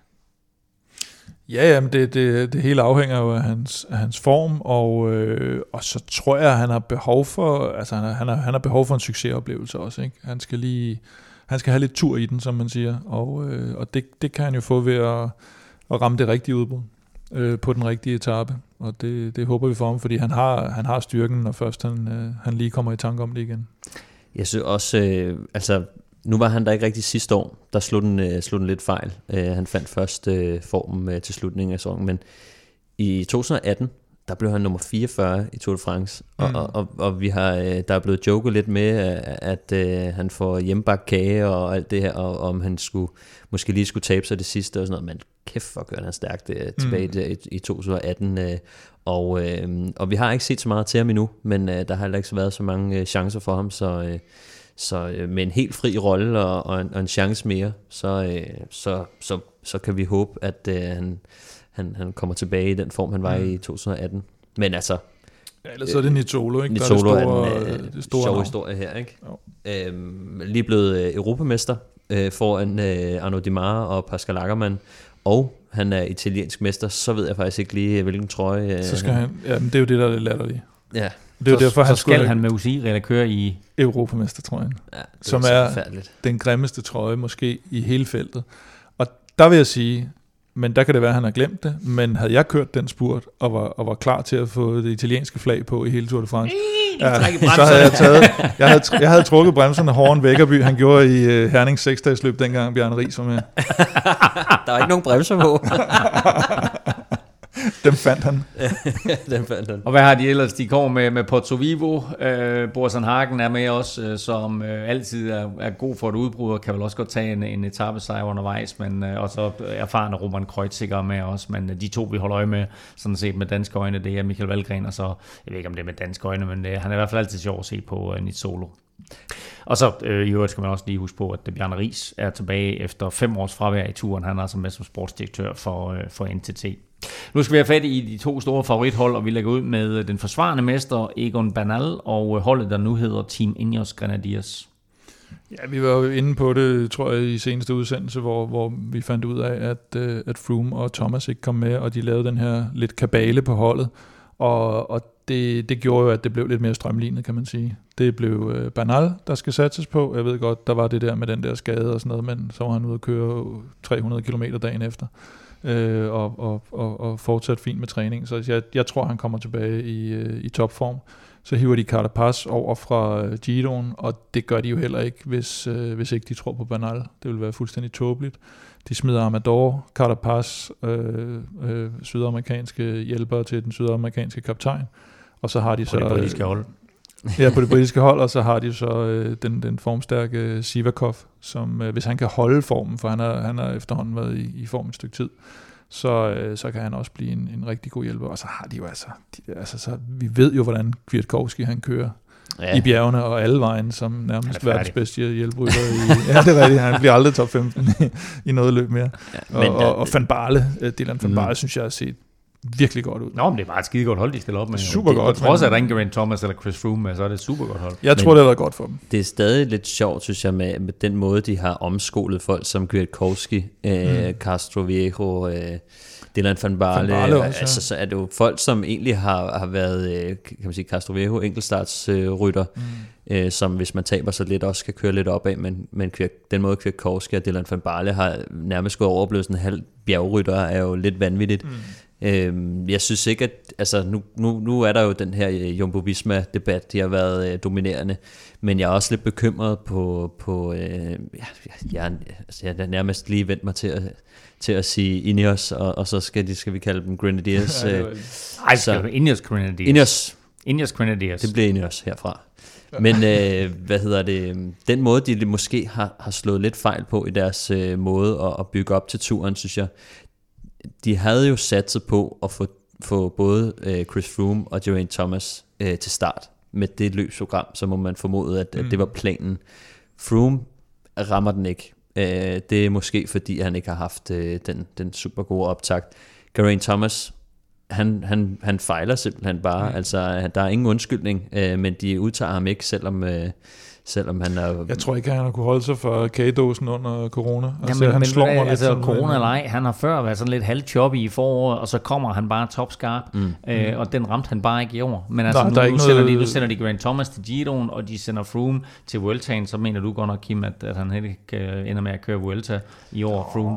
Øhm, men jeg har bare respekt for Dave Brailsford, at der er ikke noget med gamle venner eller noget. Mm. Han siger bare, jeg kommer med det stærkeste hold, og så kan det godt være, at vi engang var et britisk mandskab, nu er vi blevet et britisk mandskab på papiret, men med sydamerikansk fokus. Jo, men det er jo også, og de har jo også, øh, hvad hedder han, øh, Sosa har de jo i, i baglommen, ikke? Øh, som de ikke engang har taget med, øh, som, som jo også er et, et kæmpe sydamerikansk navn. Og så er det jo det, som vi har snakket om nogle gange, den er også en lille smule en no-brainer, fordi du har Froome på vej væk, og du har Bernal som det her nye kæmpe store. Du er nødt til at gå med fremtiden på det der hold. Ikke? Det er eneste, de egentlig offrer lidt, det er jo, det er jo Thomas, og, og han har vist før, at han, øh, han retter sig ind. Han kører for Wiggins, hvis det er Wiggins, han kører for Froome, hvis det er Froome, og så fik han lige sin egen der, hvor han sagde, nu, nu stopper festen. Ikke? Ja, så synes jeg, det er lidt interessant i forhold til den måde, Egan Bernal har kørt på i år. Altså, han, han kom jo rimelig godt fra start, og så fik han lige pludselig bare på gummerne i uh, Dauphiné alligevel, ikke? Mm. Det, det er ikke Jo, den fedeste, ja. ja. det er ikke den fedeste Så trak han sig ud, og så lå han og hyggetrænet lidt. Men lad mig, lad, lad, lad, mig, lad mig bringe en anden ting på banen her, fordi mm. i sådan 2012-2013, der kom overgangen lige pludselig fra øh, øh, Sir Bradley Wiggins øh, til Chris Froome, hvor Chris Froome lavede sådan en lille oprør. Uh, I 2018, der var det sådan Geraint Thomas, der sådan kom lidt for baghjul og lavede et lille oprør mod, mod Chris Froome, og i 2019, der var det så Egon Bernal, der lavede et lille oprør mod Geraint Thomas. Kunne vi se nu her i 2020, at godt nok så kommer Ineos på papiret med en kaptajn Egon Bernal, men de har Richard Carapaz med, som er forsvarende Giro-vinder. Altså kan de køre sådan en dobbeltspil, og pludselig, lidt eller den måde, som Carapaz han vandt Giroen på, mm. at øh, så er det lige pludselig ham, der får 30 sekunder, eller 60 sekunders forspring, og så sidder de andre hold sådan lidt og siger, åh, hvad skete der lige der? Hvis jeg var, hvis jeg var Egon Bernal, så havde jeg i hvert fald ikke øh, tur stole 100% på, på Richard Carapaz med det nummer, han lavede i, i Giroen. Nej, jeg tror... Jeg er ikke sikker på, om Carapaz er god nok til at vinde Tour de France. Øh, Med et fuldt besat Tour de France. Og det er Egon Bernal. Jeg tror faktisk, at Paul Sivakov, måske ikke nu, men på sigt, øh, har en større mulighed for at vinde et, et Tour de France på et tidspunkt. Jeg er ikke sikker på, om, om Carapaz er god nok. Han var god nok til at vinde øh, Giroen sidste år på den måde, han nu vandt den. Men jeg synes, det er interessant, at, at den måde, han, han gjorde det på, altså Mhm. det var med at være, altså øh, kan man sige, plan B på en eller anden måde, og så, øh, så lige- lige pludselig, da han, da han så var der, så, øh, så sagde han, glem alt om øh, Mm. at hjælpe nogen, nu, nu kører jeg bare selv, ikke? Ja. Og, og han var jo nærmest, øh, han ignorerede jo nærmest øh, ordre øh, for, at, for at gå efter det, så det er en, det er en interessant øh, nøglehjælperytter, de har fået med der. Glæder mig de- rigtig meget til at se det der. Men de lader ham vel, altså igen, han har vundet Giroen, så det er ikke sådan, at altså, øh, Sivakov er, er mere et ubeskrevet blad, end øh, man, man lader heller ikke Giro-vinderen bare sådan få lov at sejle væk. Det tror jeg altså ikke. øh, Nej, og så skal man også tænke på, at det er et andet hold nu, som er Ja, lidt bedre skolet, øh, så øh, inden vi lærer... Skole. Så, En- De, hvor er de en britterne, monster. britterne, de er ude af skole, de her sydamerikanere, de skyder der bare i højre og øst, øst og vest og så videre. Jo, men jeg mener, Brailsford øh, og, og, det, og holdet er måske lidt bedre til at få styr på, hvor- hvordan og hvorledes i forhold til, til Movistar, som vi så i Ja, det bliver jo dokumentaren. spændende nu, fordi nu har de jo øh, af, af ulykkelige årsager, som vi også var inde på tidligere, måtte, måtte skifte sportsdirektør til, til GABA, hvad hedder han, øh, Gabriel Rasch, frem for øh, Portal. Portal, ja, der desværre døde. Så, så det er jo også en ny sportslig ledelse, der lige pludselig skal, skal styre de, de nye ryttertropper, så det er, det er ret nyt med nyt på, og det bliver Mm. spændende, men jeg tror bare, Banal er så stor klasse rytter, at han skal nok være der. og 23 år gammel. Øh, Efter tre etaper i øh, Dauphiné, der lignede Primus Roglic og Team Jumbo-Visma store favoritter til at vinde Tour de France. Så styrtede Steven Krausweig. Han øh, kommer ikke med i turen, og Roglic det også selv. Så spørgsmålet er, er han og Jumbo-Visma stadigvæk favoritter i turen? Jeg ved ikke, om de er favoritter i turen, men jeg, jeg synes stadigvæk, de har det stærkeste hold. Øh, fordi de har formået allerede nu at vise både omverdenen og hinanden og alle deres øh, konkurrenter, at de formår at køre som det der hold. Og de har vidst hele tiden, hvad deres roller var, og de, de holder sig til, til, til deres roller. Der er, ikke, der er ingen slinger i valsen, og det er høj kvalitet hele vejen igennem.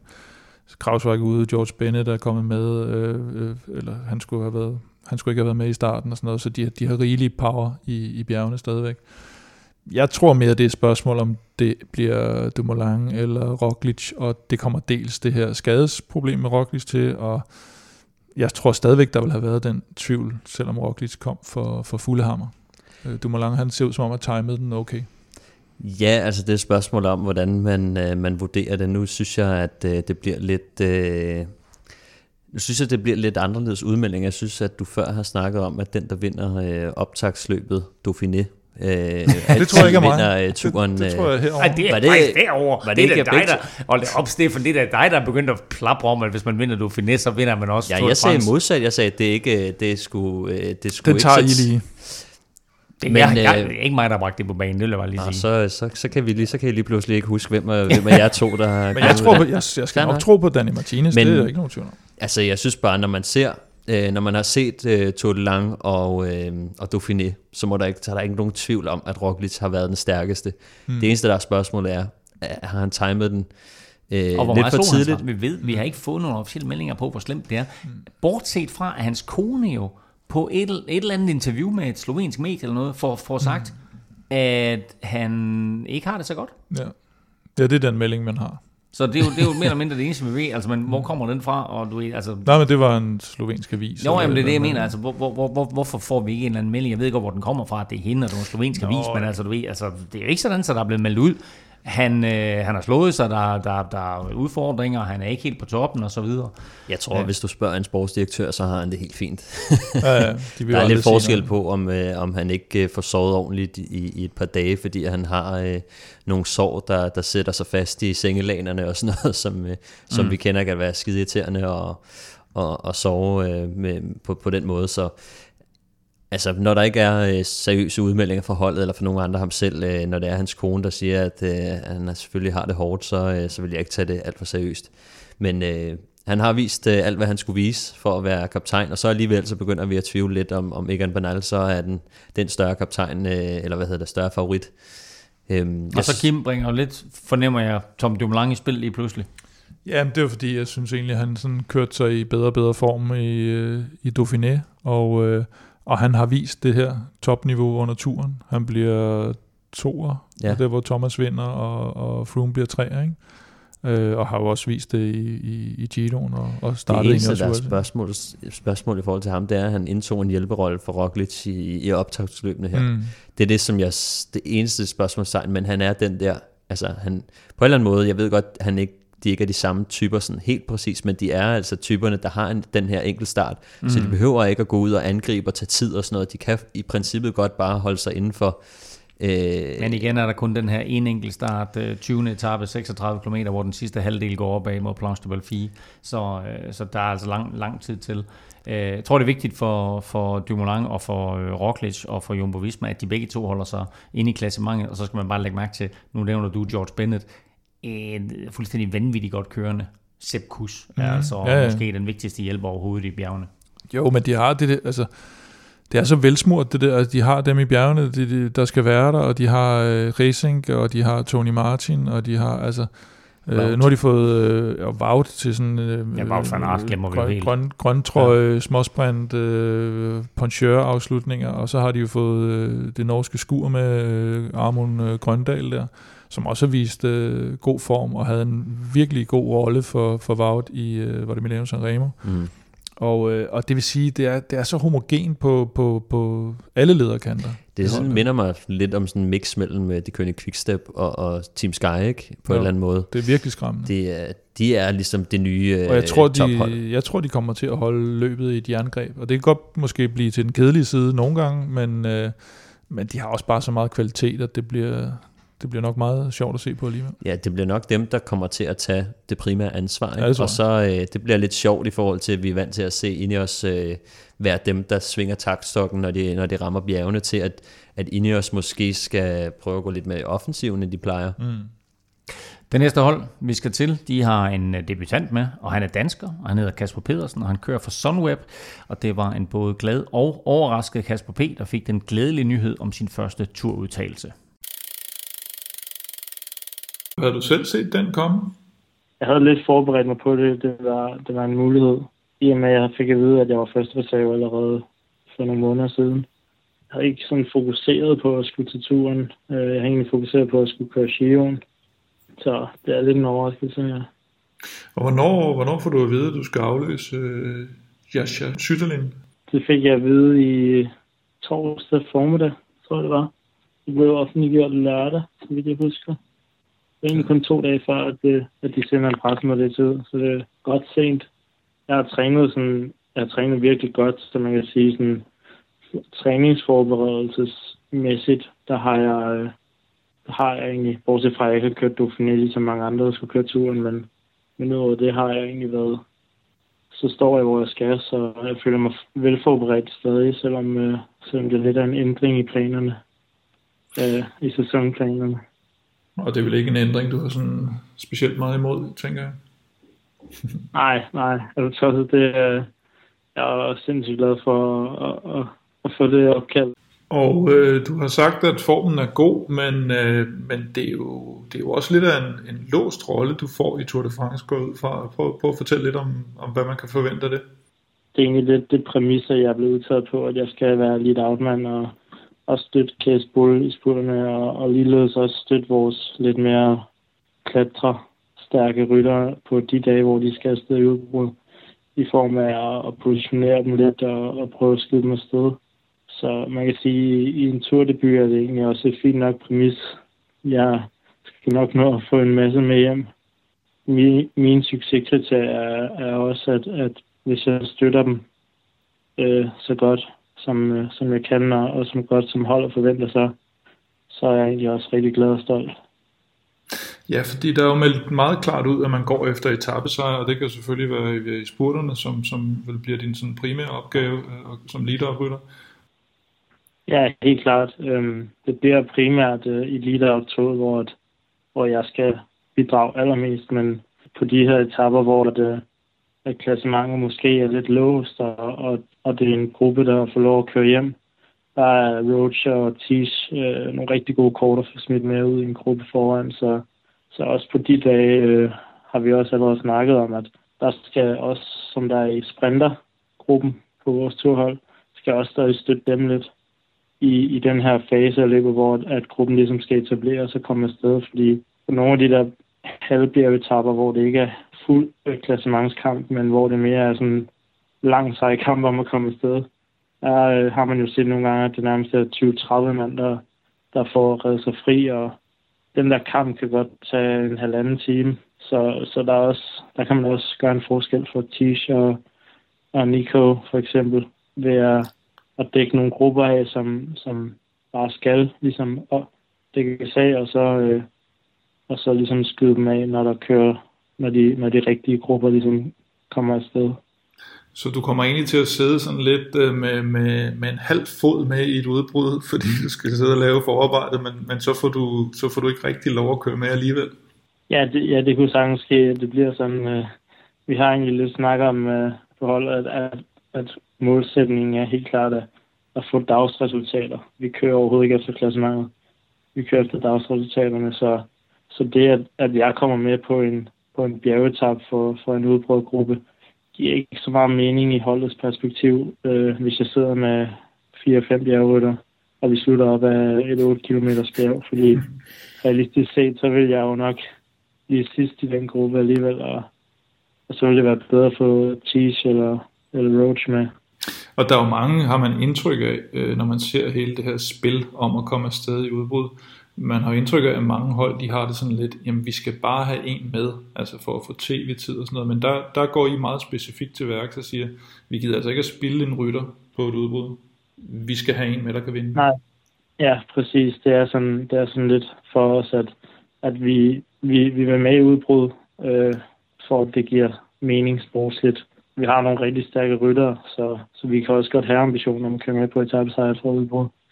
Og, og derfor så, øh, så giver det ikke lige så meget mening for vores hold at, at køre med for tv-tid, fordi eksempelvis, hvis jeg kommer med et udbrud, man kan sige, at det er et kæmpe eksponeringsvindue at køre så tv-tiden er måske fin. Men hvis dagen efter byder på en sprintetappe, så øh, sidder jeg derude og steger i fem timer, hvor at jeg så dagen efter, hvor jeg virkelig måske kunne gøre en forskel for sprinter, øh, ikke er noget værd overhovedet, fordi jeg helt er, jeg kørt hele det smadret dagen inden, ikke? Altså i forhold til succeskriterier, hvor mange etapper skal der til, før, før I er tilfredse? Har I talt noget om det? Nej, vi har ikke, vi har ikke snakket så specifikt, hvor mange etapper så det er jo lidt sådan med, det er svært øh, at sådan sætte et, øh, et mål for, hvor mange etapper sejre der vil være til sekretær. Jeg tror egentlig allerede, at en etape sejr vil være til succeskriterie. Men øh, det kommer over ind på så meget. Det kommer også ind på, om, øh, om turen overhovedet kører færdigt. Hvis det bliver et to ugers etape, det bliver pludselig, så, så er en etape sejr jo relativt mere succes, end hvis det er tre uger. Og, og det med, om, om, om turen lige pludselig stopper, det er noget, man taler om nu sådan internt på holdet? Ja, det, det blev lige nævnt. Vi havde et møde i morges øh, med, med, med Tour de France-gruppen, hvor det, det kom på tale. Altså også fordi det er et stort emne med alle de restriktioner, vi skal følge. Og der sagde øh, Nicholas Rhodes, som bor i, i Monaco, at Nice, ble, nice bliver rød zone, og der var andre sportsarrangementer og øh, ja, andre slags arrangementer, der er blevet aflyst, men turen var nærmest som det eneste fået lov ikke at blive aflyst. Vi håber det bedste. Vi håber, der, der kommer så meget cykelløb som muligt. Øh, I forhold til dine egne ambitioner, du var lidt inde på det, at, øh, at, at du har jo de her roller, og, og for dig handler det mere om at, at gøre et godt stykke arbejde. Men, men har du sat dig nogle mål? Altså er det sådan noget med at komme igennem, eller at du helst skal netop bidrage til en etape sejr, eller har du, har du sådan nogle personlige mål? Min, min personlige mål øh, er sådan lidt delt, jeg har en lidt delt op, at, at mit primære, mit hovedmål, det er at levere case til, til spurterne og virkelig løse det job, jeg får af holdet. Sådan, så de ligesom er tilfredse med, at de har, de har mig på startstregen til turen, at jeg bevise, at, at, jeg, at jeg kan bidrage, og jeg er min plads værd. Og så øh, håber jeg også, at mine holdkammerater løser deres roller perfekt, og så ender det måske med, at vi får succes. Og så har jeg også en anden, en anden drøm om at, om at gennemføre, komme til Paris. Um, så det er også et lille mål for mig. Og så sidder der måske nogle lyttere, som, som tænker, ham der Case Bowl, vi, vi, vi taler om, han er jo en relativt ung sprinter. Hvad er forventningerne både for dig og for holdet til ham? Altså, hvor går hans grænser? Skal han køre med om sejren? Er det godt, hvis han kommer på podiet, eller, eller hvor ligger det hen? Han, han har kapaciteten til at køre med om sejrene på, på sprintetapperne, hvis han bliver leveret perfekt. Det, det tror jeg helt klart på. Så, øh, så vi har også grund til at have ambitioner, og, og vi kører for, at han skal køre nogle podieplaceringer hjem. Og hvis alt går perfekt, øh, nogle etappesejre, hvis det kan lade sig gøre. Men det er så svært at sige, før man, før man er i gang, og før man ser, hvor sprinternes niveau er. Efter et par sprintetavler kan vi jo godt tit se, hvem, hvem er de hurtigste tre sprinter her. Og så håber jeg så, at Kate han er en af dem. Spændende at se uh, Kasper P. i turen. Han siger selv her, at han skal være lead out for Case Bull. Uh, er det i år, at Case han får sit store gennembrud? Ja, altså han, jeg synes, han har lagt op til det faktisk, øh, og, og, og virker som en, der kan, der kan komme op og ramme det der niveau sammen med nogle af de her øh, Fabio Jacobsen, Jasper Philipsen, øh, unge fyre. Nu er ikke Fabio lige i øjeblikket selvfølgelig, men, øh, men, men det her nye kul af, af folk, der kommer. Og, øh, og med et godt lead-out, der... Altså jeg tror, jeg tror måske podiet er det, de skal, de skal prøve at satse lidt på.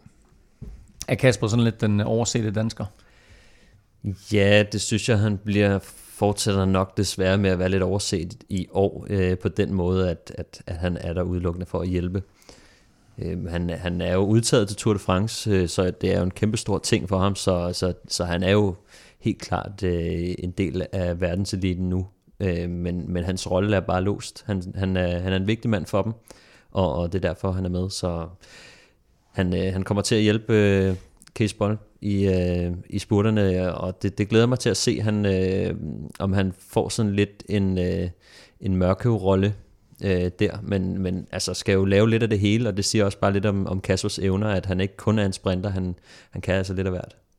Han kører for øh, Team Sunweb. Hvad skal vi forvente dem nu, hvor de ikke længere har Tom Dumoulin? Ja, men det er etappesejre, som vi talte om i starten. så en Krav er en af dem. Thies Benot, øh, Nicholas Roach selvfølgelig. Men så øh, skal man nok også hæfte sig lidt ved en øh, ung gut, der hedder Mark Hirschi, som de fleste efterhånden kender, og som fik sit gennembrud ved et U23-VM for et par år siden, tror jeg det var. Og har, har virkelig bare lagt på og lagt på, og, og han, han kan godt blive rigtig spændende at følge.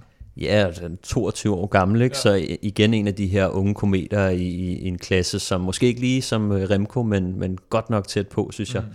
Og blev jo også, øh, jeg tror han blev træer i Klassiker San Sebastian, der hvor, han, øh, hvor Remco nemlig vandt. Så altså en utrolig skarp øh, rytter, som, som har leveret langt tidligere, end man kan forvente. Og, øh, og, og, og ham skal man altså holde øje med, de her nok primært udbrud, siden de går efter øh, etaper. Så, så ja, og ligesom hos Sunweb, så var der en øh, glædelig dansk overraskelse, da Trek Segafredo udtag, udtog øh, både Mads Pedersen og Niklas E.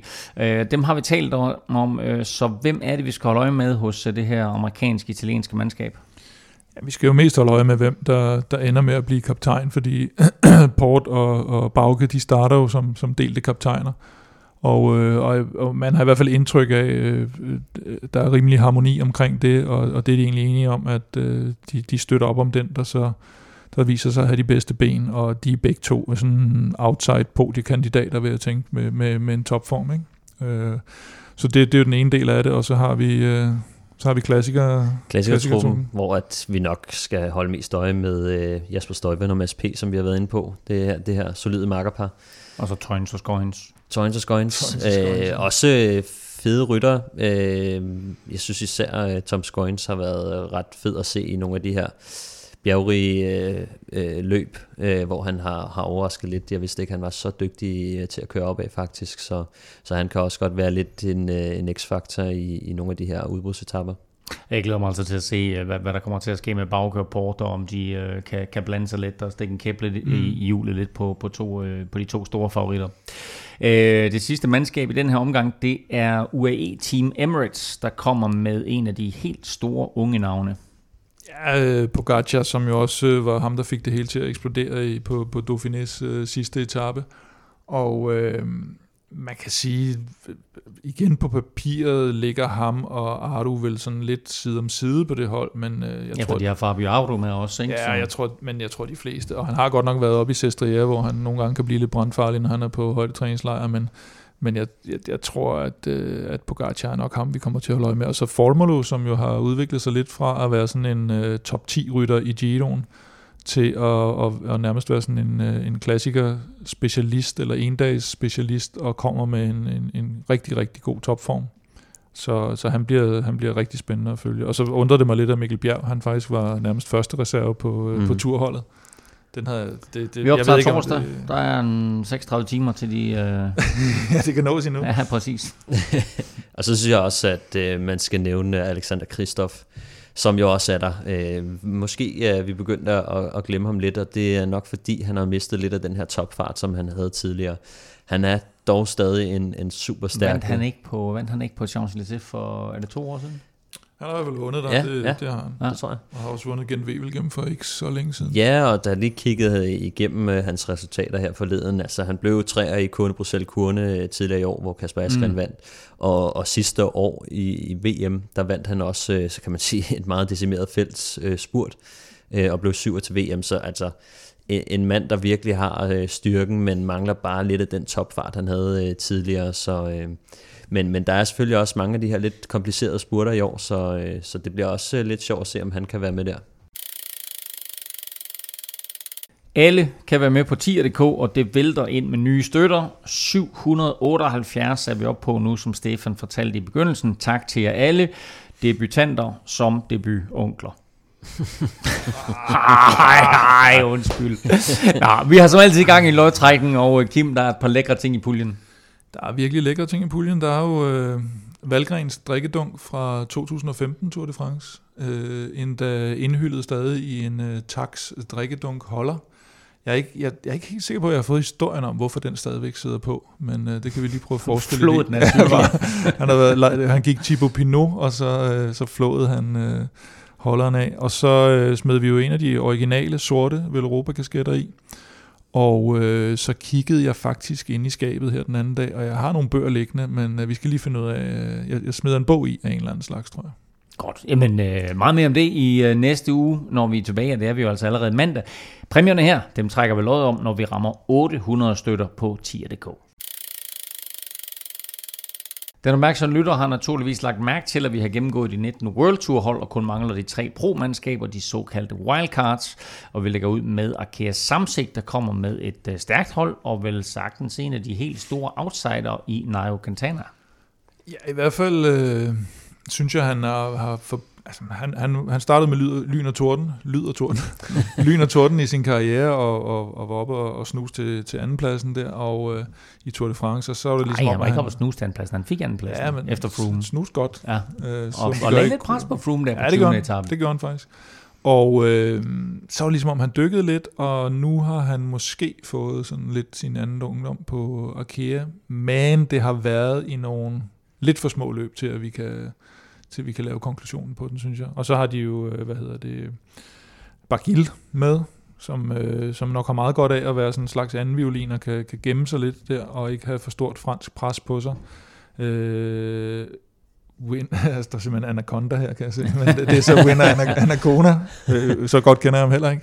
Men øh, hvad det, og Diego Rosa, og så øh, Naidos bror, øh, jeg ved ikke, hvordan udtaler man det? Dyer. Dyer, er det bare Dyer?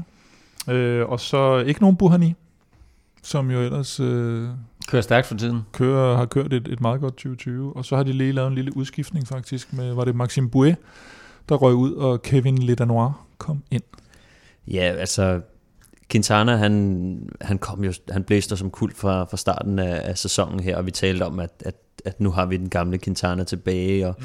så er det det med, om, om det var for små løb til at, at vurdere. Øhm, men det er en rute, der passer godt til ham.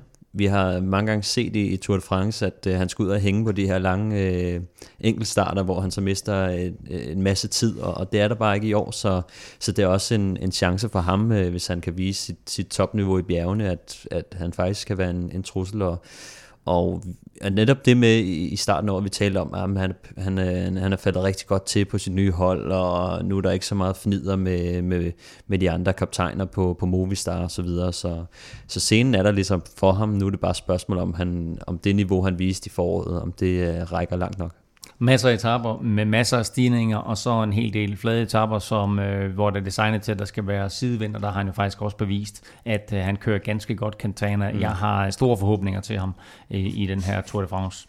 Hvad griner du af? det er godt nok. Hvorfor griner du? Ligesom Valverde. Hvor, det var sidste år. Nå, okay. Det, sidste år længe sidste år Jeg kiggede faktisk i vores, øh, i vores note fra sidste år, og der havde du tippet Valverde som, som sejr her af sidste års tur. Jeg, jeg, jeg, jeg, jeg prikkede lidt, jeg skulle se om du ved. Nå, jeg, anyway, ja. vi skal videre. Vi skal til B&B øh, Hotels Vital Koncept, eller Vital Concept, der er i et uh, sprinterfattigt felt, men uh, måske kan tiltuske sig en sejr eller to med en formstærk Brian Kokar. Ja, han har jo tidligere vist øh, faktisk en, et, et, et okay topniveau i Tour de France, og så synes jeg også, at øh, i Dauphiné så vi sådan lidt en, en genopstanden øh, Pierre Roland, som jo har været en lille smule væk efter han, øh, kan, jeg ved ikke, om man kan sige, at han trappede ned, fordi Europcar-holdet var jo i princippet også øh, et, øh, et øh, anden, anden divisionshold, og så var han lige over at snuse lidt til, til, snuse lidt igen. til EF. Ja, der han snusede også. Der er mange, der snuser. Øh, og der gik det ikke så godt. Og øh, så er han tilbage i, øh, i fransk cykelsport, og øh, jeg ved sgu ikke rigtigt, hvad vi skal forvente af ham. Jeg vil nok tro, at han skulle tage og smutte i nogle udbrud i hvert fald.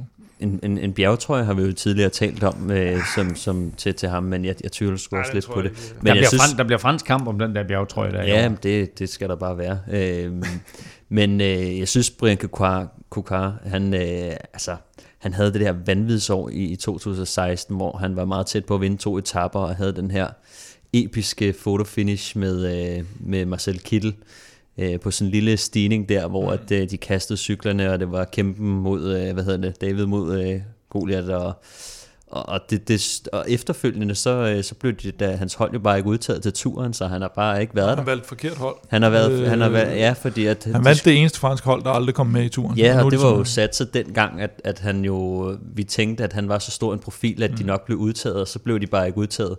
Så, øh, så han, øh, han får altså sit comeback i år, og, og har alligevel øh, kørt lidt stærkt i år, så jeg glæder mig rigtig meget til at se, øh, om han stadig har øh, niveauet fra, fra, fra 2016. Han kan blive rigtig, rigtig sjov at følge Brian Kokar. Øh, Total Direkt Energi er det tredje og sidste wildcard, øh, alle tre franske i øvrigt. Øh, er det Jane eller Bonifacio, vi skal holde øje med her?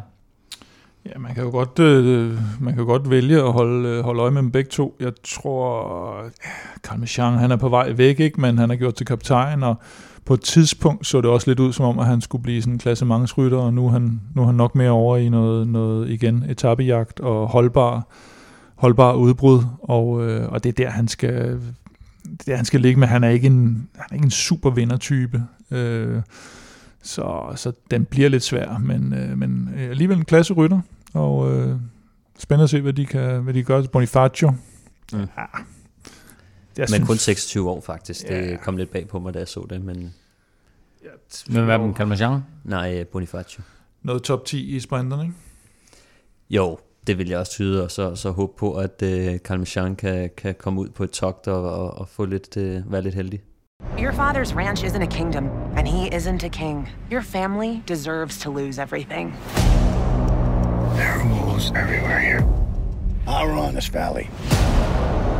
And there's a war coming. You bet your ass it's coming. Vi har faktisk endnu et super fedt og gratis turtilbud til dig i dag fra Seymour. Klippet du hørte her, det er fra den nye serie Yellowstone, og den kan du se for 0 kroner.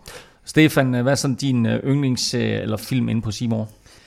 Jamen, øh, jeg har også Seymour, fordi at øh, nogle gange så, så er det meget fedt at se nogle danske film, som der ikke lige er på, øh, på de andre streamingtjenester. Så øh, De Frivillige med Anders Madsen mm. ligger derinde, som øh, er fed film. Og øh, Selvhenter med Magnus Milang, synes jeg også er, Som er ret er grineren. overraskende sjov. Ja, altså det, det, det, er faktisk rigtig Når man ser trailers, lige er det bare sådan lidt en, en, en plat klovn Ja. version, men den er Ja. faktisk virkelig øh, Ja. sjov. Og så er der de her øh, serier, som nogle gange, så, øh, så skal man bare lige øh, se nogle Harry Potter-film eller et eller andet, ikke? Det ligger der også ind på Seymour, så, øh, så det, øh, det synes jeg er meget fedt.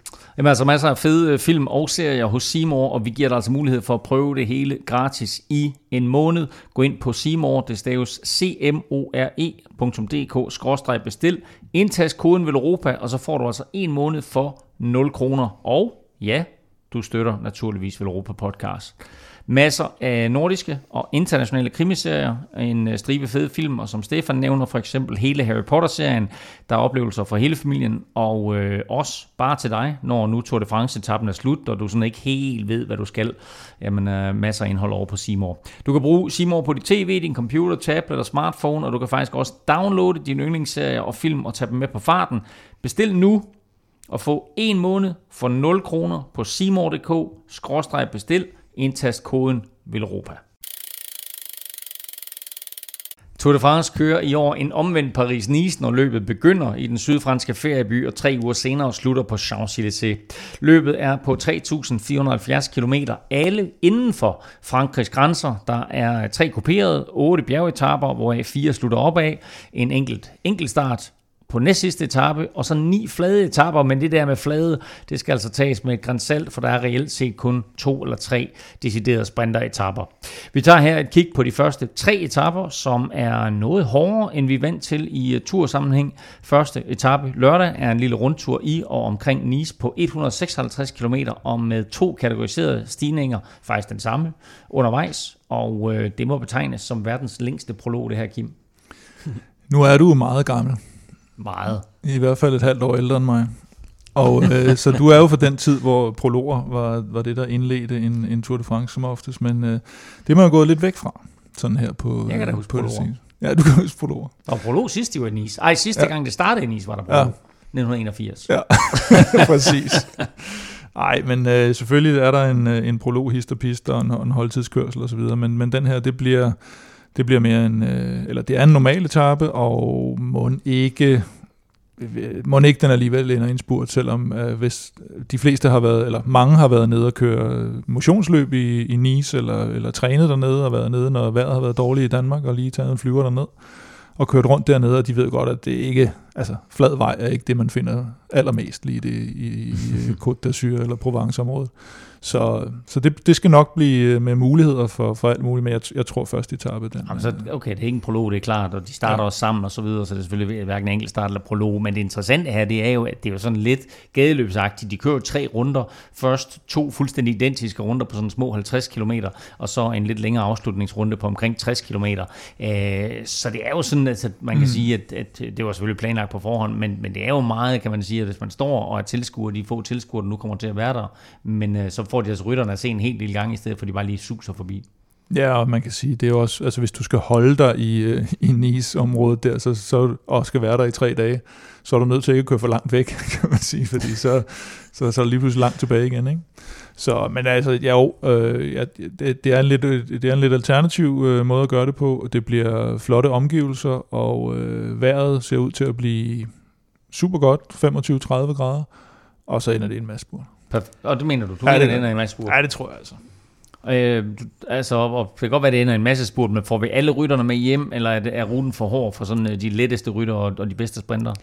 Altså, det, det er ikke en nem dag for sprinterne. Uh, um, der er en, en 16-1700 højdemeter på alligevel, så det er, det er, ikke, det er i hvert fald ikke nemt, men, men vi ved også, at, at nogle af de her sprinter, som kommer til Tour de France, de er, de, de kan også godt køre opad. Altså det hører man mange gange fra, fra nyprofessionelle, at, øh, at selvom de har været gode til at køre opad, så bliver de alligevel sat øh, af sprinterne, øh, når, de, når, når de kører i bjerge. Øh, men når Kim han siger masse spurt, det, det, det, det tillader jeg sgu også lidt til, fordi at vi ser bare Tour de France være så topkontrolleret fra start af. Altså alle kommer ligesom ind med en plan, og de er friske, og, og sprinterne kan sgu også godt køre lidt opad, så, øh, så der er 40 km hjem fra, fra den sidste top, øh, så, så må det ikke, at, øh, at de får taget sig sammen og, og kommer hjem til en samlet spurt her. Ja, og der er også det der med, at, at første etape, der har vi jo netop ikke set, de, vi har ikke set det her hierarki mellem sprinterne endnu, formhierarkiet. Mm. Og det vil sige, alle dem, der har en sprinter med, de tror, de kan vinde. Ja. Og det, når der er kørt tre etaper, så ved Bonifacio godt, at jeg kommer sgu nok ikke til at vinde den, og så gider de ikke at sidde og trække i feltet, vel? men, men der, der er 10 hold, der godt lige gider at køre den hjem efter de der 40 km. Ja, så, så det sidder, sidder med, med en eller to mand fra, fra hvert hold og fører, Ja. ikke? Så, så plejer at være bred enighed øh, lige i starten i hvert fald. Så hvem, øh, hvem tænker vi, der er i gul efter første dagen? Er det, ligger den til en Caleb Ewan, eller er det en Sam Bennett, eller Brian Kokar måske? Ja, det er, jeg tror, det er en af de rene sprinter. Det tror jeg. Og så køres øh, kvindernes endags Tour de France La Course faktisk også på lørdag i Nice. Det er på 96 km, og det er med øh, Cecilie Utrup Ludvig, Amalie Didriksen, Julie Let og den danske mester Emma Norsgaard til start. For herrene, der er der altså ingen kære mor i årets Tour de France. Ikke noget med sådan seks flade etapper. Nej, i år der kommer bjergene allerede på anden etape.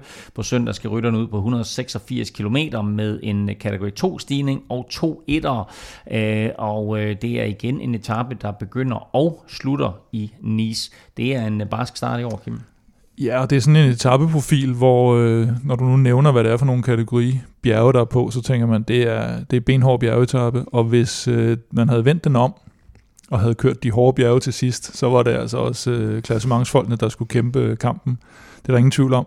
Men man ser bare nogle gange det her med, at hvis øh, de høje, eller stejle, eller lange bjerge, de ligger i starten, så kan der mange gange lige ryge et udbrud af sted, og så kører man egentlig kontrollerende hen over det, og vil gerne have alle hjælperytterne med. Så øh, risikoen eller chancen, eller alt hvad, efter hvad man er til som tilskuer, eller seer, eller rytter, det er, at, øh, at, der, at jagten på udbryderne så starter lidt, når de kommer ned for det andet bjerg af de her kategori 2, og, eller kategori 1 øh, stigninger, to kategori stigninger, der er i starten. Og så, så bliver der egentlig kørt vedløbet hen over de to sidste knolde, som er noget mindre, sådan omkring øh, 5 km med en 5-6 øh, 5-6 procent i snit. Og så er det lige pludselig nogle andre typer rytter. Men det er også en etape, hvor netop sprinterholdene kan sige, ah, den kan vi sgu ikke kontrollere alligevel, så vilder det sejle. Og så er der nogle andre, der siger sådan, Nå, vi, altså, det er heller ikke rigtig klassement, så vilder det også sejle. Så hvem skal hente udbruddet? Og hvis det så bliver, øh, øh, og bliver samlet til sidst alligevel, så er der ret mange, altså både klassementsrytter, puncheurs og, og måske endda nogle af de virkelig, virkelig holdbare sprinter, som Sagan, der kan vinde. Ikke? Så den er Man kan også godt forestille sig, at sådan hold som Quickstep øh, gerne vil have, have kørt Alaphilippe i en, i en god position, Mm. ikke? Så, så der er selvfølgelig også det aspekt i, i Ponchers, som, som Alaphilippe, øh, Daryl Impey for eksempel, ja. øh, Wout van Aert selvfølgelig, Det øh, men jeg tror, det bliver en super hektisk øh, start på etappen her. Øh, ikke, de skal ikke ret langt hen, før den første lange stigning begynder, så, så, øh, så det bliver også lidt spændende at se, hvem der tager øh, initiativet fra start af, fordi at, øh, at jeg er ikke sikker på, at øh, Jumbo Visma har lyst til at sidde og føre den her fra start til slut, øh, med mindre der er nogle øh, trusler ude foran, så det, allerede her øh, bliver det spændende at se, om, om et udbrud får lov at sejle. Det kommer selvfølgelig an på, hvilken sammensætning der er, og det er det, det jeg tror bliver udfordringen her. Øh, med så mange, der gerne, sikkert gerne vil i udbrud, øh, har Jumbo Visma lyst til at sidde og kontrollere det øh, i så lang tid, indtil de får lov at bestemme, hvilken sammensætning, der får lov til at køre. Øhm, det er Mm. klart, at klassementsholdene skal selvfølgelig lige holde et øje på, om, om Alaphilippe for eksempel Mhm. sniger sig med, ikke? Jo, og det er svært også i for, eller det er også det der med, hvornår, fordi nogle gange så ser du den der langstrakte kamp, mm. og den kan godt vare helt hen til de rammer ja, ja. netop den første stigning, og så er det bare nogle helt andre ryttere, og så er det ikke sådan noget med, at du sådan, så kan du ikke så meget kontrollere det, så mm. kan du ikke sige, om vi lader lige dem her køre, fordi hvis der er nogen, der er bedre end dine hjælperytter, altså hvis de have Tony Martin sidde og sidde og trække, og hvis så øh, Bargiel han lige pludselig stikker, så kan Tony Martin jo ikke bare køre efter ham. Ja, det kan han godt, men øh, det, det bliver en relativt kortvarig affære. Kan vi få øh, øh, nogle af klassementsholdene til at teste hinanden allerede i dag? Det tror jeg ikke på. Øh, det, med den afslutning er simpelthen ikke hård nok til, at det, det er værd at, øh, at, at, at bruge kræfter på det, øh, fordi det er sgu ikke ret meget. Mange hjælperytterne kommer nok med henover, Mm. øh, så hvis man ser øh, et eller andet... Øh, Tom Dumoulin prøver, prøver sig af, så vil Inni også nok sidde med et par mand til at trække ham ind, så, så selvom de holder hjem, så bliver det meget, øh, meget lille gevinst, der er der, så jeg, jeg tvivler meget på det. Skal det være sådan nogen som Pogacar, der bare ikke kan holde sig i ro?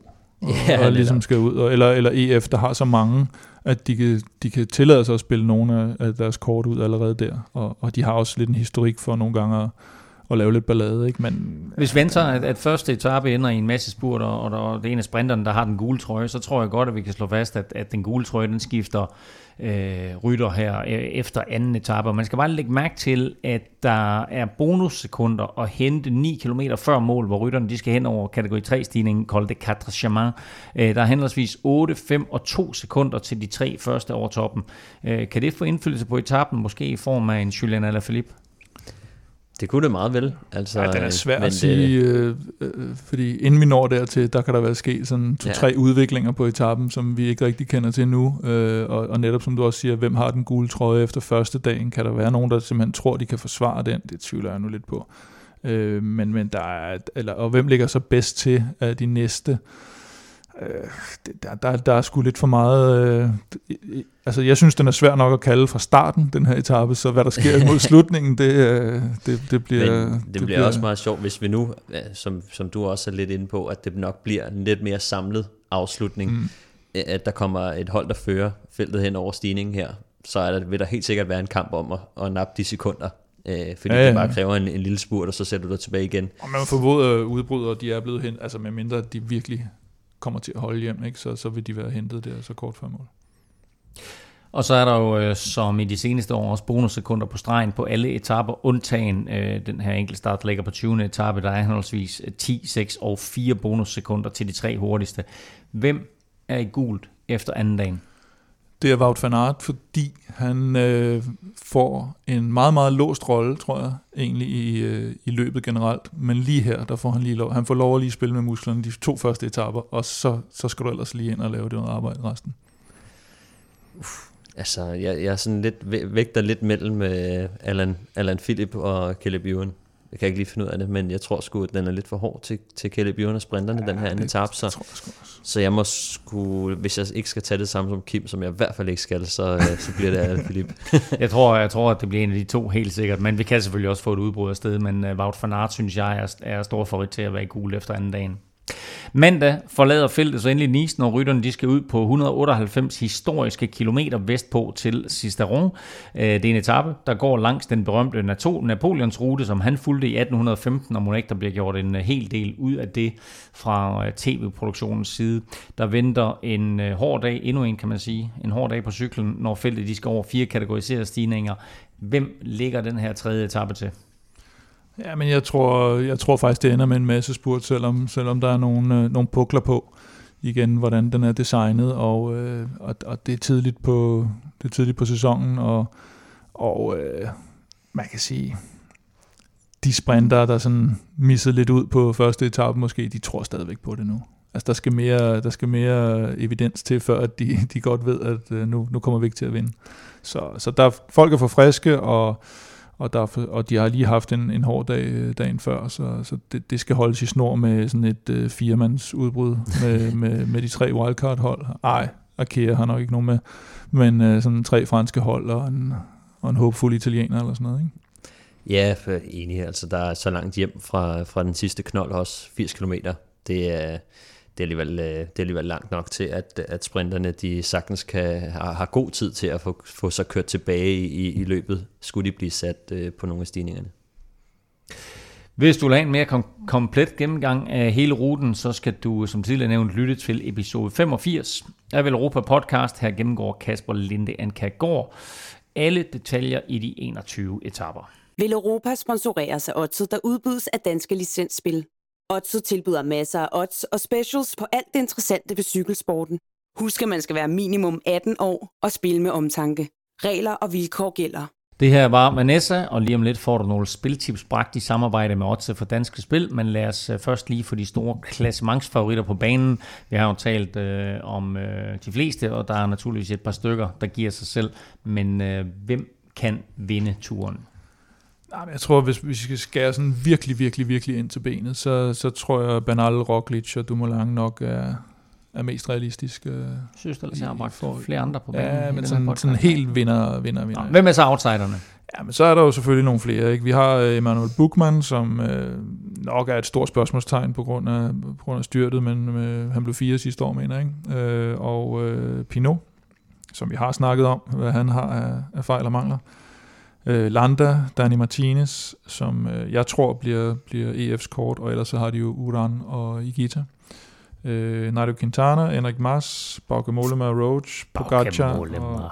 Nå, men nu, nu nævner vi bare outsider til podiet. Pogacar og Lopez.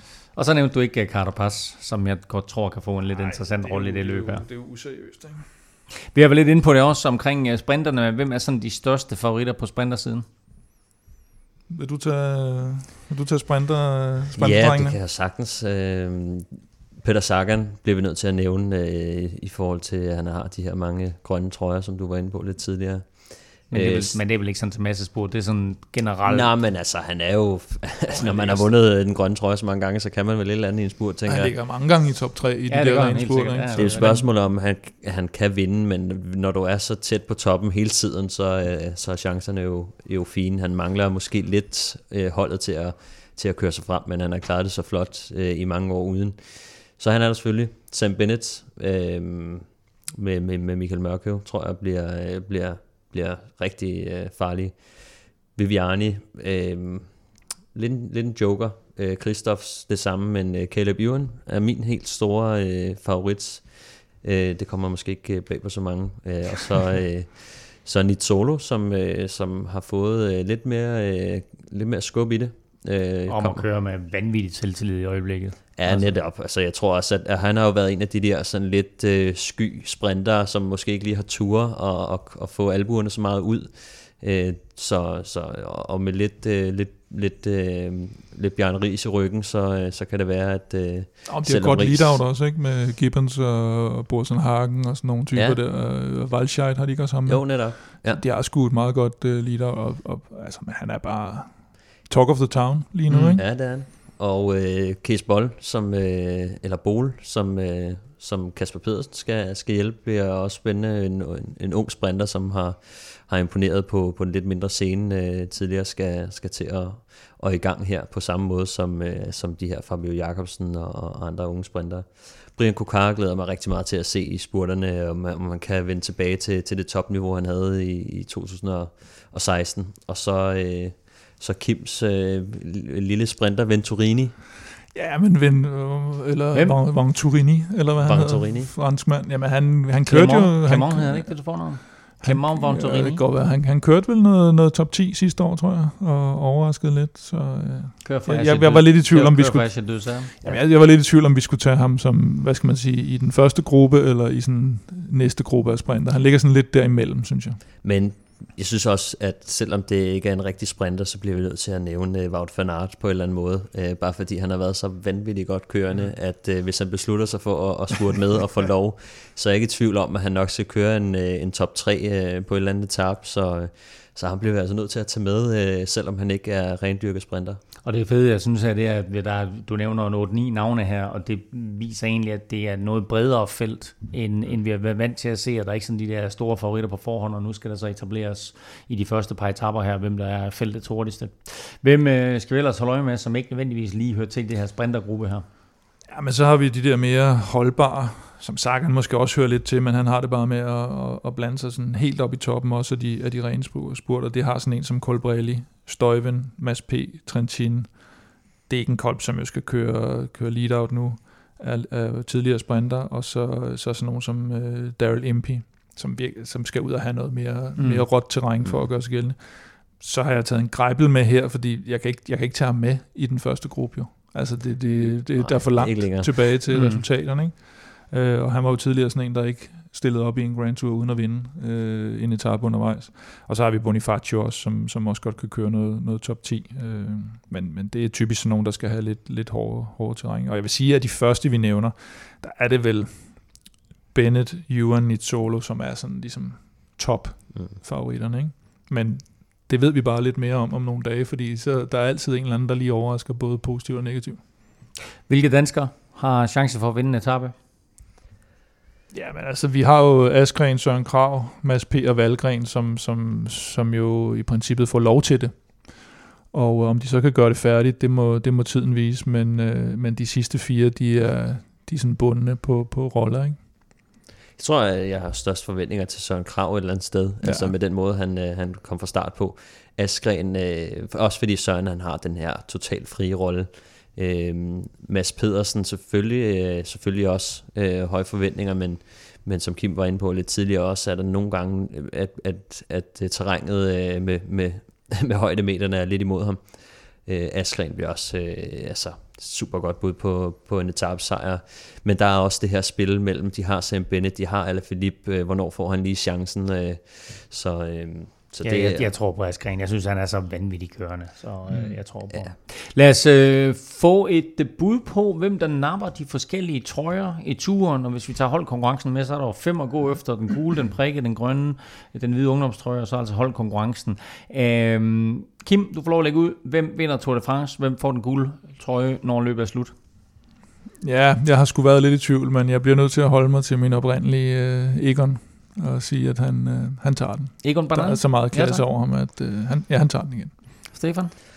Jamen, jeg har gået fuldstændig bananas på, på min bud her, øh, men øh, Tom, Dum, Tom Dumoulin har jeg, øh, har jeg wow. taget.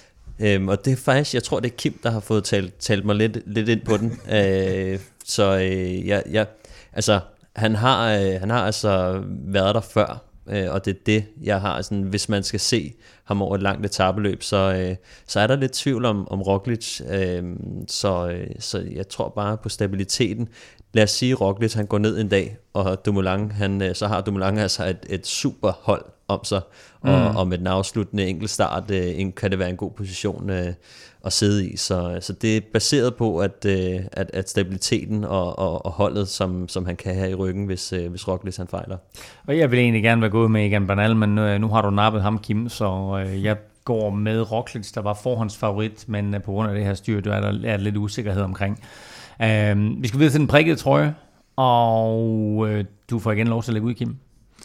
Jamen, øh, jeg, har, øh, jeg har lavet min, øh, min teoretiske overvejelser omkring, at øh, Alan Philippe han får ikke lov at, at køre, køre gul trøje-show igen i år, men øh, han kunne også godt tænke sig at komme øh, tilbage på noget podie i, i Paris, så hvis han skal det, så, øh, så tror jeg, han skal have fat i en prikket bjergtrøje, og øh, det tror jeg godt, han kan. Og øh, han har den der fordel med, at han har det der punch til sidst, så, så hvis han kommer afsted med sådan nogle Bardet og hvad de ellers hedder, så, så tager han øh, gerne de der fem point ekstra. Øh, det var faktisk jo det samme, vi alle sammen sagde sidste år, tror jeg. så gik han efter en anden, tror jeg. Ja. Jeg har, øh, jeg har taget Nairo Quintana, fordi at øh, min beskedne vurdering er, at øh, han nok ikke lige helt har det, og øh, nu kører han for et fransk hold, og øh, de skal have et eller andet med hjem. Så jeg tror, han bliver lukket til at, at, at gå efter et eller andet øh, podiværk. Så, så der er en prikket trøje øh, oplagt til ham. Jeg tror også på en øh, fransk hvad skal vi sige, et, et fransk mandskab, men til gengæld også på en fransk mand, nemlig øh, Roman Bardet. Han går ikke efter øh, klassementet, men han går efter den der prikket bjergetrøje, så det er mit bud. Den grønne trøje, øh, er der nogen, der ikke har taget Peter Sagan? Jeg har ikke. Du har ikke. Hvem har, hvem har du taget? Jamen, øh, jeg har taget Caleb Ewan det samme, som jeg gjorde sidste år, og jeg har lært lidt øh, af min fejl øh, i, i forhold til Philip Gilbert. Så du tager ham igen? Øh, Nå. ja, præcis. Super godt. Så øh, det bliver Caleb Ewan igen, øh, og det er, det er det samme kedelige argument. Han har bare et, øh, et, et stærkt hold. Der er selvfølgelig det her med, at Sagan gerne vil ud og, og hente en masse point ud på, øh, på, på, på de her udbrudsetapper. Øh, men det er en krævende rute at, at gå på togt i, og øh, jeg tror, Caleb Ewan, han kommer til at, at tage de fleste, han, han kommer til at være den sprinter med flest etappesejre, og, og, og kan, kommer han til at få den grønne trøje og, og få lidt, øh, lidt tilknytning til den, så tror jeg også, at de prøver at holde i den. Og jeg er fuldstændig enig i, at det er en øh, barsk etape. Nu har vi kun gennemgået de første tre etapper her, men ruten i det hele taget, de her små 3500 km, de er altså rigtig, rigtig barske. Øh, og derfor så tror jeg faktisk, at det er Sagan, der vinder den grønne trøje. Jeg kan se også, Kim, her i mine noter, at mm. du også er enig i, at det bliver Sagan. Jamen, jeg, jeg har det sådan... Alle de der mellemetapper med de der små stigninger, der kommer Caleb Ewan, de typer, de kommer bare ikke med. Jeg tror mere, det, jeg tror egentlig, sådan grundlæggende tror jeg bare, at det der med, at han, han, han finder en måde at vinde den på. Mm. Altså, han er så god en cykelrytter. Han, han, han, han gør det, der skal til undervejs for at, at vinde den i forhold til de andre.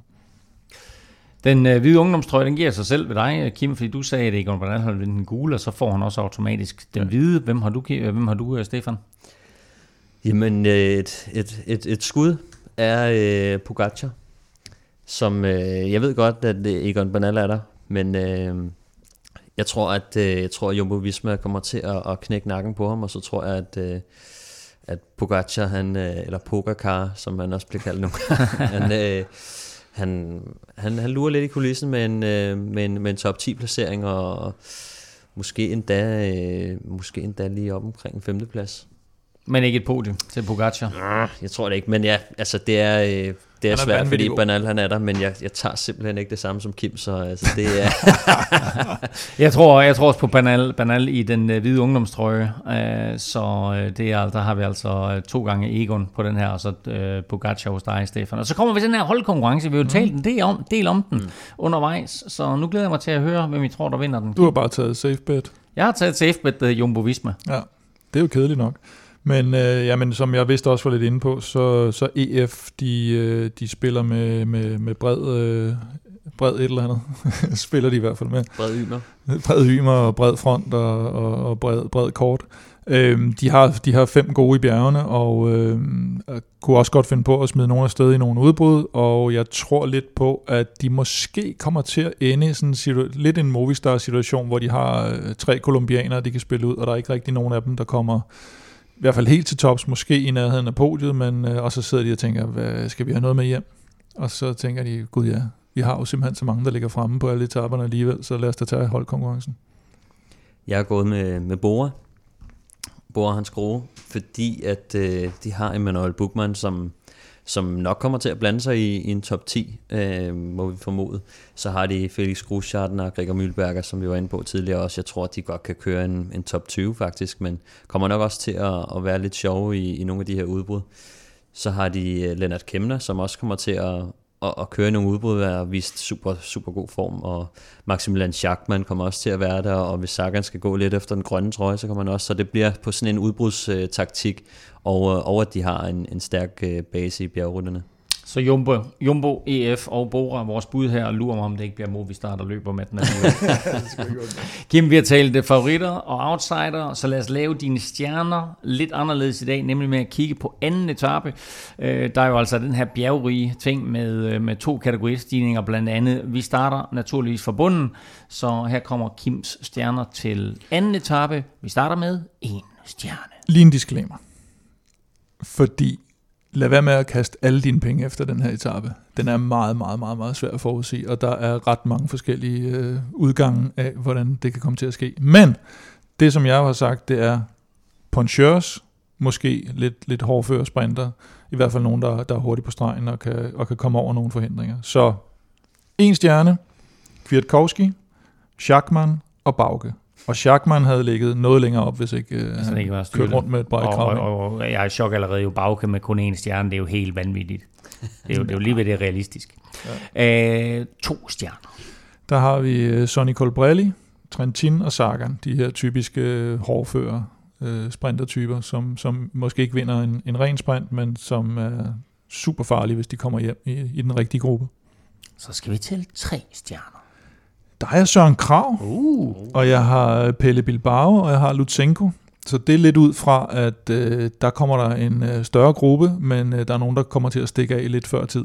Øh, fordi hvis alle de her andre også kommer med hjem, så er der ikke nogen af de her tre, der vinder en spurt mod dem i hvert fald. Men, men de er så nogen, der kan gøre det færdigt, og de kan sidde med, og, øh, og, og de har øh, noget form øh, formentlig, der skal, der skal ud. Så kommer vi til fire stjerner.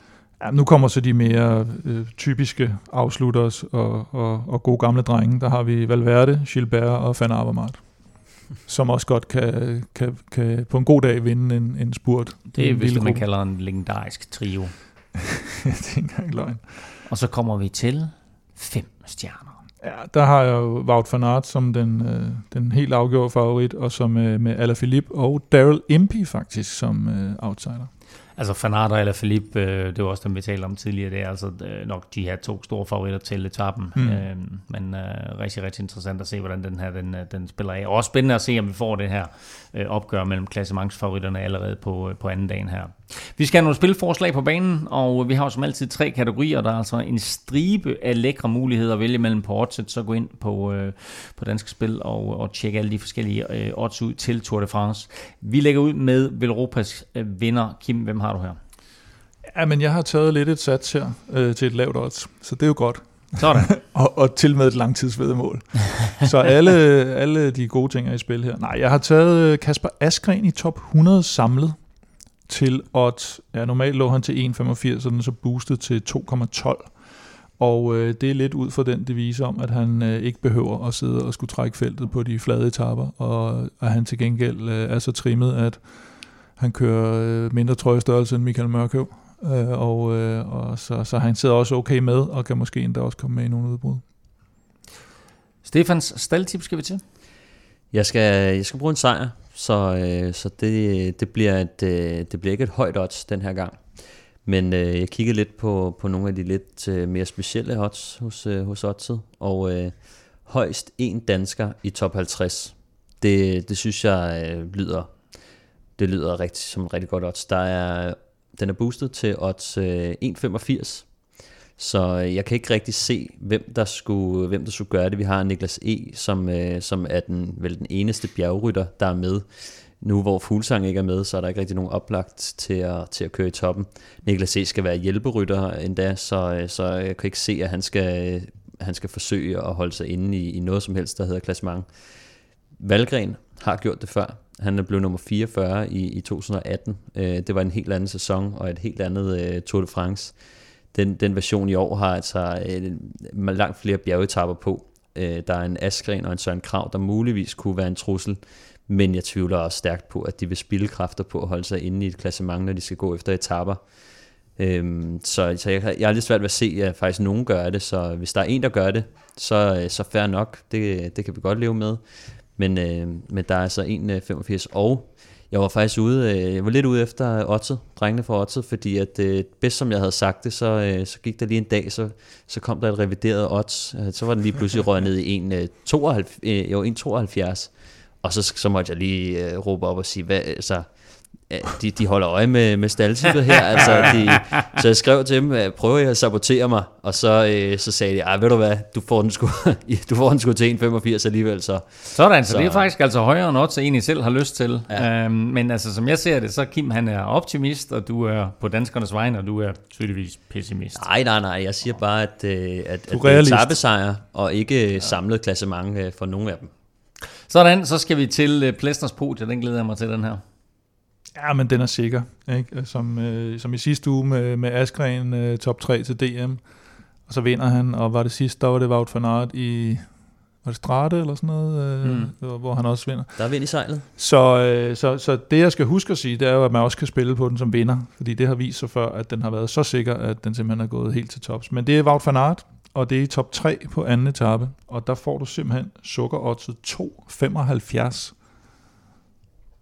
og boostet for 240. Okay, ja, det, er, det er godt nok et fint odds. 2,75 på Wout Det er top 3. Top 3 ja. Det er kun top 3. Det kan kun gå galt, hvis der er et udbrud, der, udbrud, der, der, der stikker afsted. Eller at der er nogen, der kører frem på bjergene. Det skal vi ikke tale mere om. Men øh, spil den dog også som vinder. Øh, odds 7 har vi fået boostet til odds 8.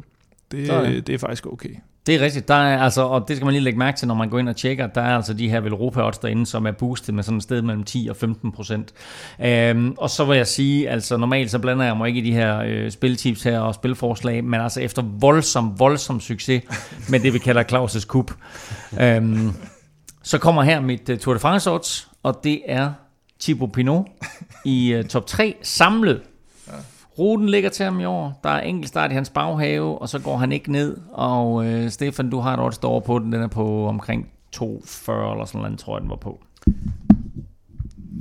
Hele 240? Ja, det er noget i den retning. 2,55. Nej, se der. Nu se der. Vi er, sådan. Så øh, det var altså ikke blot tre, men fire spiltips bragt i samarbejde med Oddset. Askren i top 100 til odds 212. Højst en dansker i top 50 boostet til odds 1,85, og Plæstners podie van Aert i top 3 på anden etape til fornemme odds 2,75, og så altså 2,55 er der i odds på, at Claus' Kup, Thibaut Pinot på podiet i Paris går hjem. Ja, jeg synes, det er et godt navn. Jeg synes, det er et godt navn. Og det her, det var altså den første af en række spiltips, vi bringer i samarbejde med Oddset her gennem Tour de France 2020. Virkelig, virkelig sejt, hvis du er holdt ud indtil nu. Uh, det her det er ubetinget den længste podcast i Europa Podcasts historie, men vi mangler lige det allervigtigste, nemlig afgørelsen i quizzen. Stillingen, Kim, den er 21-19 i Stefans favør, og dermed har du serveretten, og nu vil du gerne sige noget. Jeg har et forslag. Nej. For at gøre det hurtigt. Hvad så? Et svar hver. Det kan vi godt. Færdig arbejde. Det kan, vi kan ikke tillade os at sidde og træde på folk på den her måde. Det er og fordi, du kun, spilde har, deres tid. du kun har et bud. Jeg har kun et bud. Godt, jeg tænkte det nok. Uh, du har serveretten, og dermed så har du altså mulighed for uh, enten selv at svare, eller give uh, Stefan mulighed for at svare først. Spørgsmålet var, hvad er den sidste verdensmester, som Seneste. vandt, som vandt uh, Tour de France i VM-trøjen? Jeg siger Cattle Evans. Cattle Evans er et godt bud. Hvad siger Stefan? Jeg vil ikke Cattle Evans. Øh, ja, det, var, det, det er mit eneste... Sig nu Eddie Merckx. Det, det er mit eneste bud. Nej, men så bliver jeg nødt til at sige Eddie Merckx. Men, øh, men det... det, så, så er det Jamen, så, så, så får I lige et bud med hver, for begge dele er forkert. Okay, okay. Ah, Hvem har, hvad fanden har vundet? Hvem har vundet begge dele? Kom nu, Kim. Ja, kom nu. Men det kan jeg jo ikke. Kom nu for helvede, altså. Jamen, det er jo et svar, ikke? Lad os nu bare... Jeg, kan- jeg kan ikke. Jeg, øh, jeg, Godt, Kim han passer. Du får en chance mere, Stefan. Indurain. Øh, er ikke korrekt. Øh, jeg giver en lille ledetråd. Øh, Quizzen er overstået, men jeg får en lille ledetråd. Øh, amerikaner. Le Mans. Greg LeMond. Greg LeMond vandt i 1993, iført VM-trøjen, og det gjorde han en 5-6 år efter, at Banner endnu havde gjort det. Ja. Og før dem, der var Eddie Merckx det rigtige svar. Så altså ingen point til øh, nogen af jer, og sidder du derude og havde det rigtige svar, så hatten af meget, meget sejt. Vi er tilbage allerede på mandag og går i studiet umiddelbart efter tredje etape til øh, Sisteron, og indtil da, der kan du følge Kim og Velropa på Snablag Velropa. Stefan finder du på Snablag Stefan Djurhus, og undertegnet finder du alle steder på Snablag NFLming. Tak for nu, tak fordi du lyttede med og holdt ud så længe. Tak til Zetland, Simor og Otze fra Danske Spil. A bientôt, à lundi, allez, allez, allez.